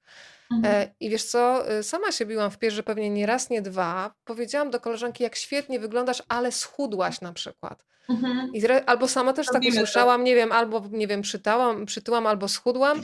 I pamiętam, że kiedyś tak usłyszałam, ale schudłaś, świetnie wyglądasz. I wiesz, co, jaka była moja reakcja? We mnie się obudził lęk, a co będzie, jak ja przytyję? Czy już nie będę taka fajna dla kogoś? Wiesz, to było mhm. niewypowiedziane, ale ten proces myślowy się zaczął. I to są takie rzeczy, które, no właśnie, teoretycznie sprzedajesz komuś komplement, ale razem z tym komplementem możesz zasiać jakiś strach, że w takiej, mm, nie wiem, figurze jestem ok, a 5 czy 10 kilo większa już nie będę. I to jest y, cały czas trzeba się łapać na słowach, e, bo czasami nawet e, mając dobre intencje, można zasiać w kimś coś bardzo złego. I znowu takie badania mam przed oczami. W wieku 11 lat, no to mamy dziewczynki. Za grube czuje się 39% dziewcząt, tak się określają. W wieku 13 lat już 49, a w wieku 15 52. I przypomniałam sobie teraz, Justyna, była kiedyś taka mm, w mediach społecznościowych to widziałam marzenie małego chłopca. Słuchaj, to był chyba pięcio czy sześciolatek rozłożył mnie kompletnie na łopatki, bo on powiedział, że bardzo by chciał i on marzy o tym, żeby jego mama spojrzała w lustro i powiedziała, że jest piękna, bo jest piękna. I to było właśnie dziecko, które mm. cały czas widziało mamę, która pewnie nieświadomie wypowiadała do siebie bardzo krzywdzące komentarze. I wiesz, też mhm. mnie to wtedy obudziło, że y, nie nauczymy chyba też dzieci właśnie takiej samoświadomości, własnej wartości, nawet jeżeli będziemy je chwalić, jeżeli sami wobec siebie znowu nie uruchomimy tej tak. czułości, nie? Tak, tak. To jest jeszcze, z kolei dziewczyny e, we mnie otworzyły też taki, w ogóle nigdy o tym nie pomyślałam, że te badania tam, e, które przed chwilą przytoczyłaś, dotyczą tego poczucia, że ktoś jest gruby, tak? Czyli źle się ze sobą czuje, bo jest gruby. E, w ogóle, że grube stało się obelgą, a powinno być słowem neutralnym, bo opisuje po prostu sylwetkę. Tak. Gruby nie znaczy chory, to jest w ogóle coś, co, co jest bardzo ważne i nie jest to promocja otyłości, co teraz mówię, tylko fakt, ale właśnie, że to są badania, które pokazują, że ktoś nie lubi siebie, bo jest za gruby, a ile jest osób, które nie lubią siebie, bo są za chude, bo są niepełnosprawne, są z niepełnosprawnościami, bo są, nie wiem, piegowate, rude, krzywe itd., tak itd., tak e, ten katalog rzeczy, z powodu których się nie lubimy, jest niekończący się. Więc jeszcze jest duże prawdopodobieństwo, że te 52% osób nie lubi się, bo jest za grubych tych dziewczynek, a następne tam 30 wynajduje jeszcze jakiś inny powód. Nie wiem, nie ma wystarczająco dużego biustu, albo szerokich bioder, albo coś tam. Jakby znamy te litanie narzekań. Ona jest e, porażająca. Mm, no i znów, a jak sobie wrócimy do szkoły, no to ciało jest narzędziem tylko na WF-ie i na lekcjach biologii, ale nie, chyba bardzo rzadko z czułością i z rozwagą, co to robi. A to, co powiedziałaś o sobie, no ja absolutnie też się biję w pierś. Wielokrotnie mówiłam koleżankom, że świetnie wyglądają, bo właśnie chyba schudły, albo że super im w tej sukience, nie wiem, coś tam maskuje. I naprawdę w najlepszych intencjach, ale im więcej o tym myślę, im więcej o tym rozmawiam, tym bardziej widzę, co to nam robi, bo przecież mi też robi. To dlaczego im miałoby nie robić i znów do siebie najpierw. Justyna, porozma e, porozmawiajmy jeszcze o takiej bardzo trudnej rzeczy, ale którą też pomagasz zrozumieć. E, bardzo dziękuję też Twoim bohaterkom za odwagę, bo pojawia się temat samookaleczeń. E, samookaleczenia, które są dla wielu osób e, momentem chwilowej ulgi, bo tak to trzeba odczytywać. One nie potrafią sobie inaczej poradzić z emocjami. E, I piszesz o czymś, e, co może być takim mm, dzwonkiem alarmowym dla rodziców, że dzieciaki, nie chcąc rozczarować swoich rodziców, potrafią naprawdę miesiącami ukrywać to, że dochodzi do takiej do samookaleczeń. Y, powiedz trochę o spotkaniu na przykład z Weroniką. Bardzo jej dziękuję za, za tę odwagę i jestem w stanie sobie wyobrazić właśnie taką bezradność, e, kiedy nie mając innej metody, po prostu samookaleczasz się, bo to ci daje jakieś chwilowe ujście emocji. Weronika jest e, bardzo odważną osobą i osobą, która bardzo dużo przeszła i też jestem jej szalenie wdzięczna, że zdecydowała się podzielić ze mną tą historią i, i, że dzisiaj działa właśnie w nastoletnim azylu, że działa e, na rzecz zmiany przepisów dostępu do psychiatrii dziecięcej. E, swoją drogą bardzo się cieszę, bo będzie ze mną na spotkaniu w Gorzowie Wielkopolskim na żywo moim rodzinnym, więc jakby widziałam, że ktoś tu pozdrawiał nas z Gorzowa, więc 4 czerwca najeżdżamy lubuskie, ale żeby, żeby odpowiedzieć na to pytanie, no to Myślę, że to jest e, znowu powrót do, do podstaw i, i do korzeni tej naszej rozmowy, bo osoby, z którymi rozmawiałam, które dokonywały aktów autoagresji, właśnie samookaleczały się, bardzo często mówią, że po prostu nie znały innego sposobu na poradzenie sobie z tymi emocjami, które w nich są, innego sposobu na upuszczenie tym emocjom. I, I to nie jest tak, że one uważały, że ten sposób jest dobry, tylko lepszego nikt ich nie nauczył. E, a czasem, kiedy to robimy, no próbujemy to robić e, w taki też niezbyt zręczny sposób, czyli a próbowałeś pobiegać, a nie wiem, może pojeździsz na rowerze i oczywiście mhm. intencja jest słuszna, a często nawet tak. Rozwiązanie jest słuszne, tylko forma podania jest niestety e, nie najlepsza. Kiedy już widzimy blizny, czy widzimy rany, też nie wiemy, jak, jak się zachować, jak zareagować. Nie wiedzą tego dorośli, nie wiedzą tego młodzi ludzie, a problem jest dość częsty. E, dotyczy tysięcy e, młodych osób, które potem idą z tym przez życie, blizny zostają bardzo często. Mm. I, I myślę, że to jest jeden z trudniejszych tematów. Też jego opisanie było jednym z trudniejszych, bo dziewczyny, które o tym opowiadają w książce, bo to się pojawia więcej niż w jednym rozdziale, bardzo dużo uwagi same przykładały do tego, żeby ich opowieść nie zachęcała innych do podobnych działań, gdyż one mówią, że one same się tego dowiedziały od innych, czy dowiedziały się tego z internetu, czy od swoich rówieśników. I to jest dosyć przerażające. To nie jest o tym, że to jest zaraźliwe albo że należy odciąć dziecko od internetu i rówieśników, bo oczywiście nie o tym jest ta opowieść, ale e, ona jest jednak o tym, że to jest coś, co dla dzisiejszych nastolatków jest rzeczą znaną, powszechną i tylko my się bronimy przed e, świadomością, czy przed przyjęciem do świadomości tego, że to może dotyczyć też naszego dziecka, czy naszego bliskiego, e, kogoś, kogo znamy i on się naprawdę może świetnie z tym ukrywać przez długi czas i że to nie jest, i to jest chyba takie ważne, e, dla wzbudzenia atencji. To nie jest moda. To jest po prostu bardzo trudny moment, w którym ktoś inaczej nie potrafi. E, Marta jeszcze się odniosła do tego wątku związanego z ciałem, porównywanie z innymi i komentowanie wyglądu innych znamy od dziecka. W e, Wielkiej Brytanii, gdzie mieszkam, jest e, większa akceptacja, czyli widzisz. Ale jest chyba coś takiego, bo jak mhm. człowiek jedzie do Londynu, to od razu się ma ochotę też ubierać szalenie, bo nie ma wrażenia, że wszyscy na niego patrzą. Znaczy ja naprawdę nie jestem jakąś globtroterką, ale Londyn to jest jedno z tych miast na świecie, w których ja się czuję fantastycznie. Mam wrażenie, że nikt nie zwraca na mnie uwagi. To jest cudowne. Zwalające. Nina napisała, że już się cieszy na spotkanie z tobą w e, Gorzowie i przy okazji pozdrawia. E, ja też noszę w sercu, wiesz, takie proste znowu zdanie, kiedy młodzież mówi, nie powinno być tak, że musimy w Google wpisywać, jak pomóc ofierze przemocy, albo co zrobić, gdy ktoś przechodzi kryzys. Wierzę, że właśnie tego mogłaby i powinna uczyć nas szkoła.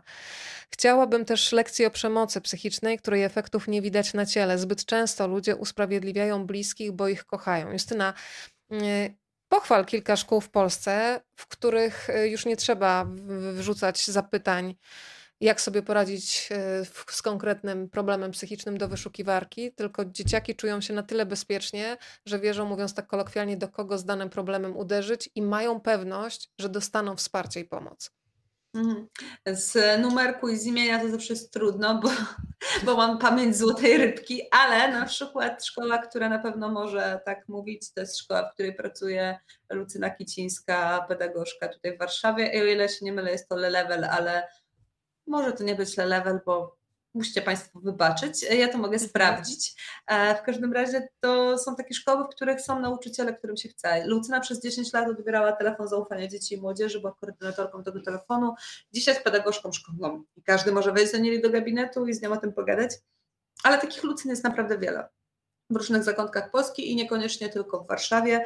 E, ja na co dzień Otaczam się takimi fajnymi nauczycielami i nauczycielkami i za to lubię swoją pracę. Jak jeżdżę na te kongresy, to też właśnie takich dyrektorów i dyrektorki oglądam. E, w przyszłym tygodniu, za dwa tygodnie, kiedy jadę do Gorzowa na te nasze spotkanie, to jadę też na konferencję, która się będzie odbywała w szkole i to jest e, konferencja w pierwszym liceum, która jest skierowana między innymi do rodziców właśnie o zdrowiu psychicznym, po to, żeby trochę pomóc e, dzieciakom. O, Julka, która potwierdza Wielką Brytanię, to jest Julka, która mnie oprowadzi po Bogu chwalę w tym, w tym tygodniu. Juka, szykuj się, Podkarpacie tutaj już wiesz, nadciągam, ale to jest e, myślę też przykład właśnie takich szkół. Te szkoły e, przyjazne LGBT+, to są szkoły, w których młodzież musi się czuć bezpieczna, to znaczy, że ma tam co najmniej jedną osobę, do której może przyjść i, i się podzielić i no ja nie wiem, ja, ja, jestem oczywiście marzycielką i optymistką, więc mam nadzieję, że po prostu nie muszę z numerków wymieniać, bo ich jest dużo. E, wspomniałaś Lucyna, ona też mówi zdanie oczywiste, ale tak rzadko zrozumiane. Dorośli są w szkole po to, żeby pomagać, a nie piętnować. E, I takich a pedagog nie jest szkole... za karę, prawda? To też jest jakieś takie, całe życie słuchaj, pójdziesz do pedagoga. Tak, jakby to była w ogóle taka groźba, nie? że już tak. uspokoję tak. się, no bo na dywanik zaraz. E, bardzo ciekawe pytanie, słuchaj, nie wiem z czego wynika. Witam, jestem pełna podziwu dla tematów, które Pani porusza. Mam pytanie, czy mieszkała Pani kiedyś w Bielsku Białej? Justyna, Twoja historia prywatna. Niestety nie, całe życie mieszkałam. Mogę po kolei powiedzieć, gdzie mieszkałam? W Witnicy. Chodziłam do szkoły do Gorzowa Wielkopolskiego, następnie mieszkałam 7 lat w Poznaniu, a teraz już 9 mieszkam w Warszawie. E, ale e, Bielsko-Biała ma najlepsze hasło e, piłkarskie, czyli ponad nami tylko góry. Ja. Naprawdę. Szanuję to. Dobra. Słuchaj, to jeszcze porozmawiajmy o. Yy, powoli będziemy z, zmierzać do brzegu. Nie zapytałam Cię w ogóle już, no na ile masz czasu. Już rozmawiamy. No właśnie, ja Cię nie zapytałam, więc. E, jakby... Mam tyle czasu, ile Rysia ma, póki tu nie przyjdzie. Tak A, e, Rysia to jest e, czworonożna przyjaciółka Justyny, więc ja y, przyspieszam tempo. Y, jeszcze mam pytanie, bo bardzo chciała, żeby się ten temat pojawił, bo nie jest, powiedziałaś o tym, że czasami nam się wydaje, wypieramy pewne rzeczy. Ja się z tym zgadzam, że one nie istnieją, dopóki nie dojdzie do tragedii. I jest bardzo ważny temat. Zresztą w kalendarzu też już znalazł się we wrześniu Światowy Dzień Zapobiegania Samobójstwom. Zresztą od jednej z Twoich bohaterek dowiedziałam się, że e, w tym roku e, studia suicydologiczne w Warszawie ruszają, tak? E, które też tak, pozwalają trochę nadzieję. więcej zrozumieć, ale wiesz co, dla mnie było na przykład zaskakujące, że w zasadzie w 30-osobowej klasie tak statystycznie nawet dwie osoby mogą mieć taką dramatyczną próbę samobójczą za sobą. I znowu, dopóki nie wejdziemy w temat, no to możemy sobie tworzyć właśnie taką iluzję sielskiego dzieciństwa, beztroski, no bo co ty możesz mieć za problemy, masz siedzieć i się uczyć. E, mm, ten temat też wiedziałaś chyba od początku, że on się musi znaleźć, chociaż domyślam się, że no emocjonalnie dla ciebie i twoich bohaterów musiał, musiał być bardzo ciężki. Mm, tak, to, to jest temat, y, no, bez którego nie mogło być tej książki, ale znów to jeden z tych, które było najtrudniej pisać po to, żeby nie zachęcać, nie pokazywać dróg. I tutaj z kolei e, Agnieszka, która opowiada, tak naprawdę dla mnie ten rozdział e, Agnieszki i Werki, bo one tutaj najwięcej o tym opowiadają, to są rozdziały o tym, że szpitale psychiatryczne ratują życie. I taka była w ogóle intencja tych rozmów i pokazanie, tak, idzie, idzie pod Beskidzie, to drugie najlepsze hasło. E, e, przepraszam, musiałam to powiedzieć, e, ale e, że pokazać, że tam się uzyskuje pomoc. Jak ty pięknie zacytowałaś Lucynę z tym, że dorośli są, po co są dorośli w szkole, tak szpitale psychiatryczne nie są po to, żeby nas przypiąć pasami do łóżka, tylko po to, żeby nas uratować w tym momencie, kiedy jest już e, najgorzej, naj, najciemniej, najmroczniej. Um, i myślę, że nie zdajemy sobie właśnie sprawy ze skali tego, jak wielu nastolatków e, takie próby podejmuje. One są w większości nierejestrowane, one są nieskuteczne, więc nam się wydaje, że to nie była próba, ale jeżeli ktoś e, znów nie powinnam podawać sposobu, ale jeżeli ktoś jest tak zdesperowany, że tego próbuje, to to jest próba samobójcza, nawet jeżeli rano się obudził i wszystko było dobrze. Nie pamiętam, czy to się znalazło w książce, mówiąc uczciwie, ale pamiętam, że zrobiło na mnie wielkie wrażenie, kiedy Tomek Bilicki mi powiedział, dlaczego on nie używa określenia próba samobójcza, tylko mówi o zamachu samobójczym, bo próba nam się jakoś, e, tak, próba brzmi miękko, to brzmi takie, spróbuję się, nie uda, pójdę dalej, ale w przypadku życia to przecież nie jest takie to jest targanie się na własne życie, czy to jest zamach. E, I zamach brzmi już groźnie, brzmi już poważnie i już nie da się tego um, tak po prostu przemilczeć czy przeskoczyć. I wydaje mi się, że, e, że to też jest jeden z tych językowych e, koszmarków, to znaczy, że my się musimy zastanowić, o czym, o czym opowiadamy, że my się, my dorośli, mówię tutaj, tak, tak, stosuję taką zbiorową odpowiedzialność, musimy się temu przyglądać, bo to nie są tylko liczby, to są żywi ludzie. Tutaj znów, jeśli chodzi o skuteczne zamachy samobójcze, liczebnie gorzej jest tylko w Niemczech, a to jednak większy kraj, więc e, jest bardzo źle. I jest bardzo źle i musimy zrobić bardzo dużo, żeby było lepiej. E, to wymaga dzisiaj wielkiej odwagi, żeby opowiedzieć o tym, że nie chciało się już żyć tak bardzo, tak naprawdę i tak bez, bez ratunku. I też moje bohaterki miały wielkie szczęście do osób, które im pomogły po drodze, i myślę, że dlatego mają siłę, żeby o tym opowiedzieć, bo to jest opowieść z jednej strony o szpitalach, jak powiedziałam, ale z drugiej o olbrzymiej wdzięczności. Mm, Tomek też mówi tak, taką rzecz i to potwierdzają historie dziewczyn, że w przypadku życia mm, nie ma czegoś takiego jak konfident. Możesz komuś obiecać, że nikomu nie powiesz, ale jeżeli ktoś ci mówi, że nie chce już żyć, to nie ma takiej obietnicy, której byś musiał, nie ma takiej osoby, której mógłbyś tej obietnicy dotrzymać. To jest po prostu coś, co trzeba powiedzieć komuś, kto może tej pomocy udzielić, jeśli my nie wiemy, jak to zrobić. Justyna Suchecka dzisiaj u Was w domu. Justyna, e, ja mam ostatnie pytanie do Ciebie. Jeżeli Państwo jeszcze mają ochotę, to to jest ostatni moment, tak jak na licytacji, żeby tutaj jeszcze zdążyć się wślizgnąć z pytaniem. Ja jestem bardzo ciekawa, Justyna, co by się znalazło na Twoim rysunku przedstawiającym nudę? Bo taki temat też się pojawia. nikt mnie o to nie zapytał, ja się nigdy nie zastanawiałam, mówiłam, że jesteś w tym za dobra. Kiedy ja się nudzę? O nie, wiem, ja narysowałam nudę wtedy, jak pisałam ten o. tekst po raz pierwszy. E, I to były niekończące się, i nie bierz tego do siebie, bo to w ogóle nie jest naszym spotkaniu, niekończące się zoomy w pandemii. Ja narysowałam takie okienka i ludziki w tych okienkach i ja wiem, co się działo, ja włączałam kamerę i scrollowałam po prostu Instagram od lewej do prawej bo to jest prawdziwa rozmowa, co teraz się między nami dzieje, a te zoomy to nie była prawdziwa rozmowa, to były jakieś po prostu kolegia do odhaczenia, jakieś takie rzeczy, które na żywo byśmy załatwili w 15 minut.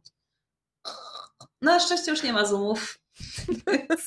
My nie korzystamy z Zooma, inna platforma, nie biorę tego do siebie, no ale już faktycznie zmierzam, zmierzam do finału. Maszyna losująca, która jesteś w drugim pokoju, za chwilę będziesz e, uruchamiana tutaj słownie, na słowo. Drodzy Państwo, jeżeli macie ochotę wygrać książkę od wydawnictwa WAB, Magda mi taką książkę obiecała, więc z przyjemnością będzie, będę dzisiaj w roli dobrodziejki. Nie powiem Ci, że wszystko będzie dobrze. Proszę wpisać hashtag, rozmawiam, bo lubię. E, i w ten sposób dać losowi szansę. Widzisz, ja mam dzisiaj problem z wysławianiem się, ale to jest ta opuchlizna po kanałowym. Ona mi tutaj trochę, wiesz... Ale to jest, e, to jest ta opuchlizna, którą tylko ty widzisz. No, a to też prawda, ale, ale zacina mi tutaj, co chwilę mi wchodzi na aparat dykcyjny, ale mam nadzieję, że będzie lepiej. Więc drodzy Państwo, e, wpisujemy hashtag rozmawiam, bo lubię. Za chwilę uruchamiamy maszynę losującą i będziemy tutaj w roli... Mm, Iluż pamiętasz was tu te, jest? Ale pamiętasz tę komisję gier i zakładów w lot, to panie w garsonkach, panowie w tych, więc my za chwilę będziemy w takiej roli. Daję Dobrze. Państwu jeszcze 30 sekund. Się. 30 sekund, no widzę, że Państwo się teraz Mam e, koszulkę z lemem, to on nad tym czuwa. A, no to jak, jak Lem nad tym czuwa, to ja już jestem spokojna o wyniki tutaj tego wyboru. Widzę, że Państwo się uaktywnili, więc jeszcze Wam trochę czasu dam. Pani Iwona tutaj dziękuję za wieczór dający do myślenia. My również dziękujemy za Państwa obecność, bo jednak uczestnictwo w takim maratonie e, prawie dwugodzinnym też wymaga od Państwa energii. Było, tak. Maszyno, raz, dwa, trzy, jedziesz Ty. Ale Wy macie system. W ogóle nie wiem, czy ty Mus, moją słuchaj, słuchaj, ja w ogóle muszę nauczyć łatę, bo może ona to uruchamiała łapą, ale to jeszcze jest pieśń przyszłości. Pani Ela, bardzo się cieszę, ponieważ pani Ela jest tutaj stałą bywalczynią, więc tym bardziej się należy książka. Justyna, e, dziękuję Ci w imieniu wszystkich, którzy dzisiaj byli razem z nami. E, I tak jak mówię, jeżeli będziecie się wybierać do księgarni, to proszę po kilka sztuk kupować, bo swoje nie będziecie chcieli oddać, a ludziom, którym może się przydać, e, sobie bardzo szybko ich wymyślicie w głowie i będą Wam stawać przed oczami konkretne historie, które mogą znaleźć właśnie tutaj w środku wspólnotę doświadczeń. Justyna, pięknego wieczoru, dobrego spaceru z Rysią. Dziękuję. E, I do zobaczenia następnym razem. Pięknie Ci dziękuję. Niebawem. Dzięki, to była wspaniała rozmowa. Bardzo Ci dziękuję. Ty naprawdę potrafisz słuchać. Bardzo się cieszę. Ja tutaj dzisiaj byłam podekscytowana bardzo, więc ja czekam na kolejną okazję. Ja wiem e, też z dobrze poinformowanych źródeł, że ty też już pracujesz nad trzecią książką o młodych. Więcej na razie nie wiem, ale już dzisiaj nie cisnę. Jutro, e, Dobrze, nie jutro, wrócimy. tylko w środę, e, zapraszam na spotkanie z Wojciechem Harpulą i jego książką Czy diabeł mieszka na Kremlu. Tradycyjnie spotykamy się o 20.30, to środa. Teraz już dobrego wieczoru, dobrych spacerów z psami i nie wiem, głaskania kotów, żeby tutaj kociarzy nie pominąć. Justyna Suchecka była razem z Wami. Do zobaczenia. Dobranoc. Pa. Pa, pa.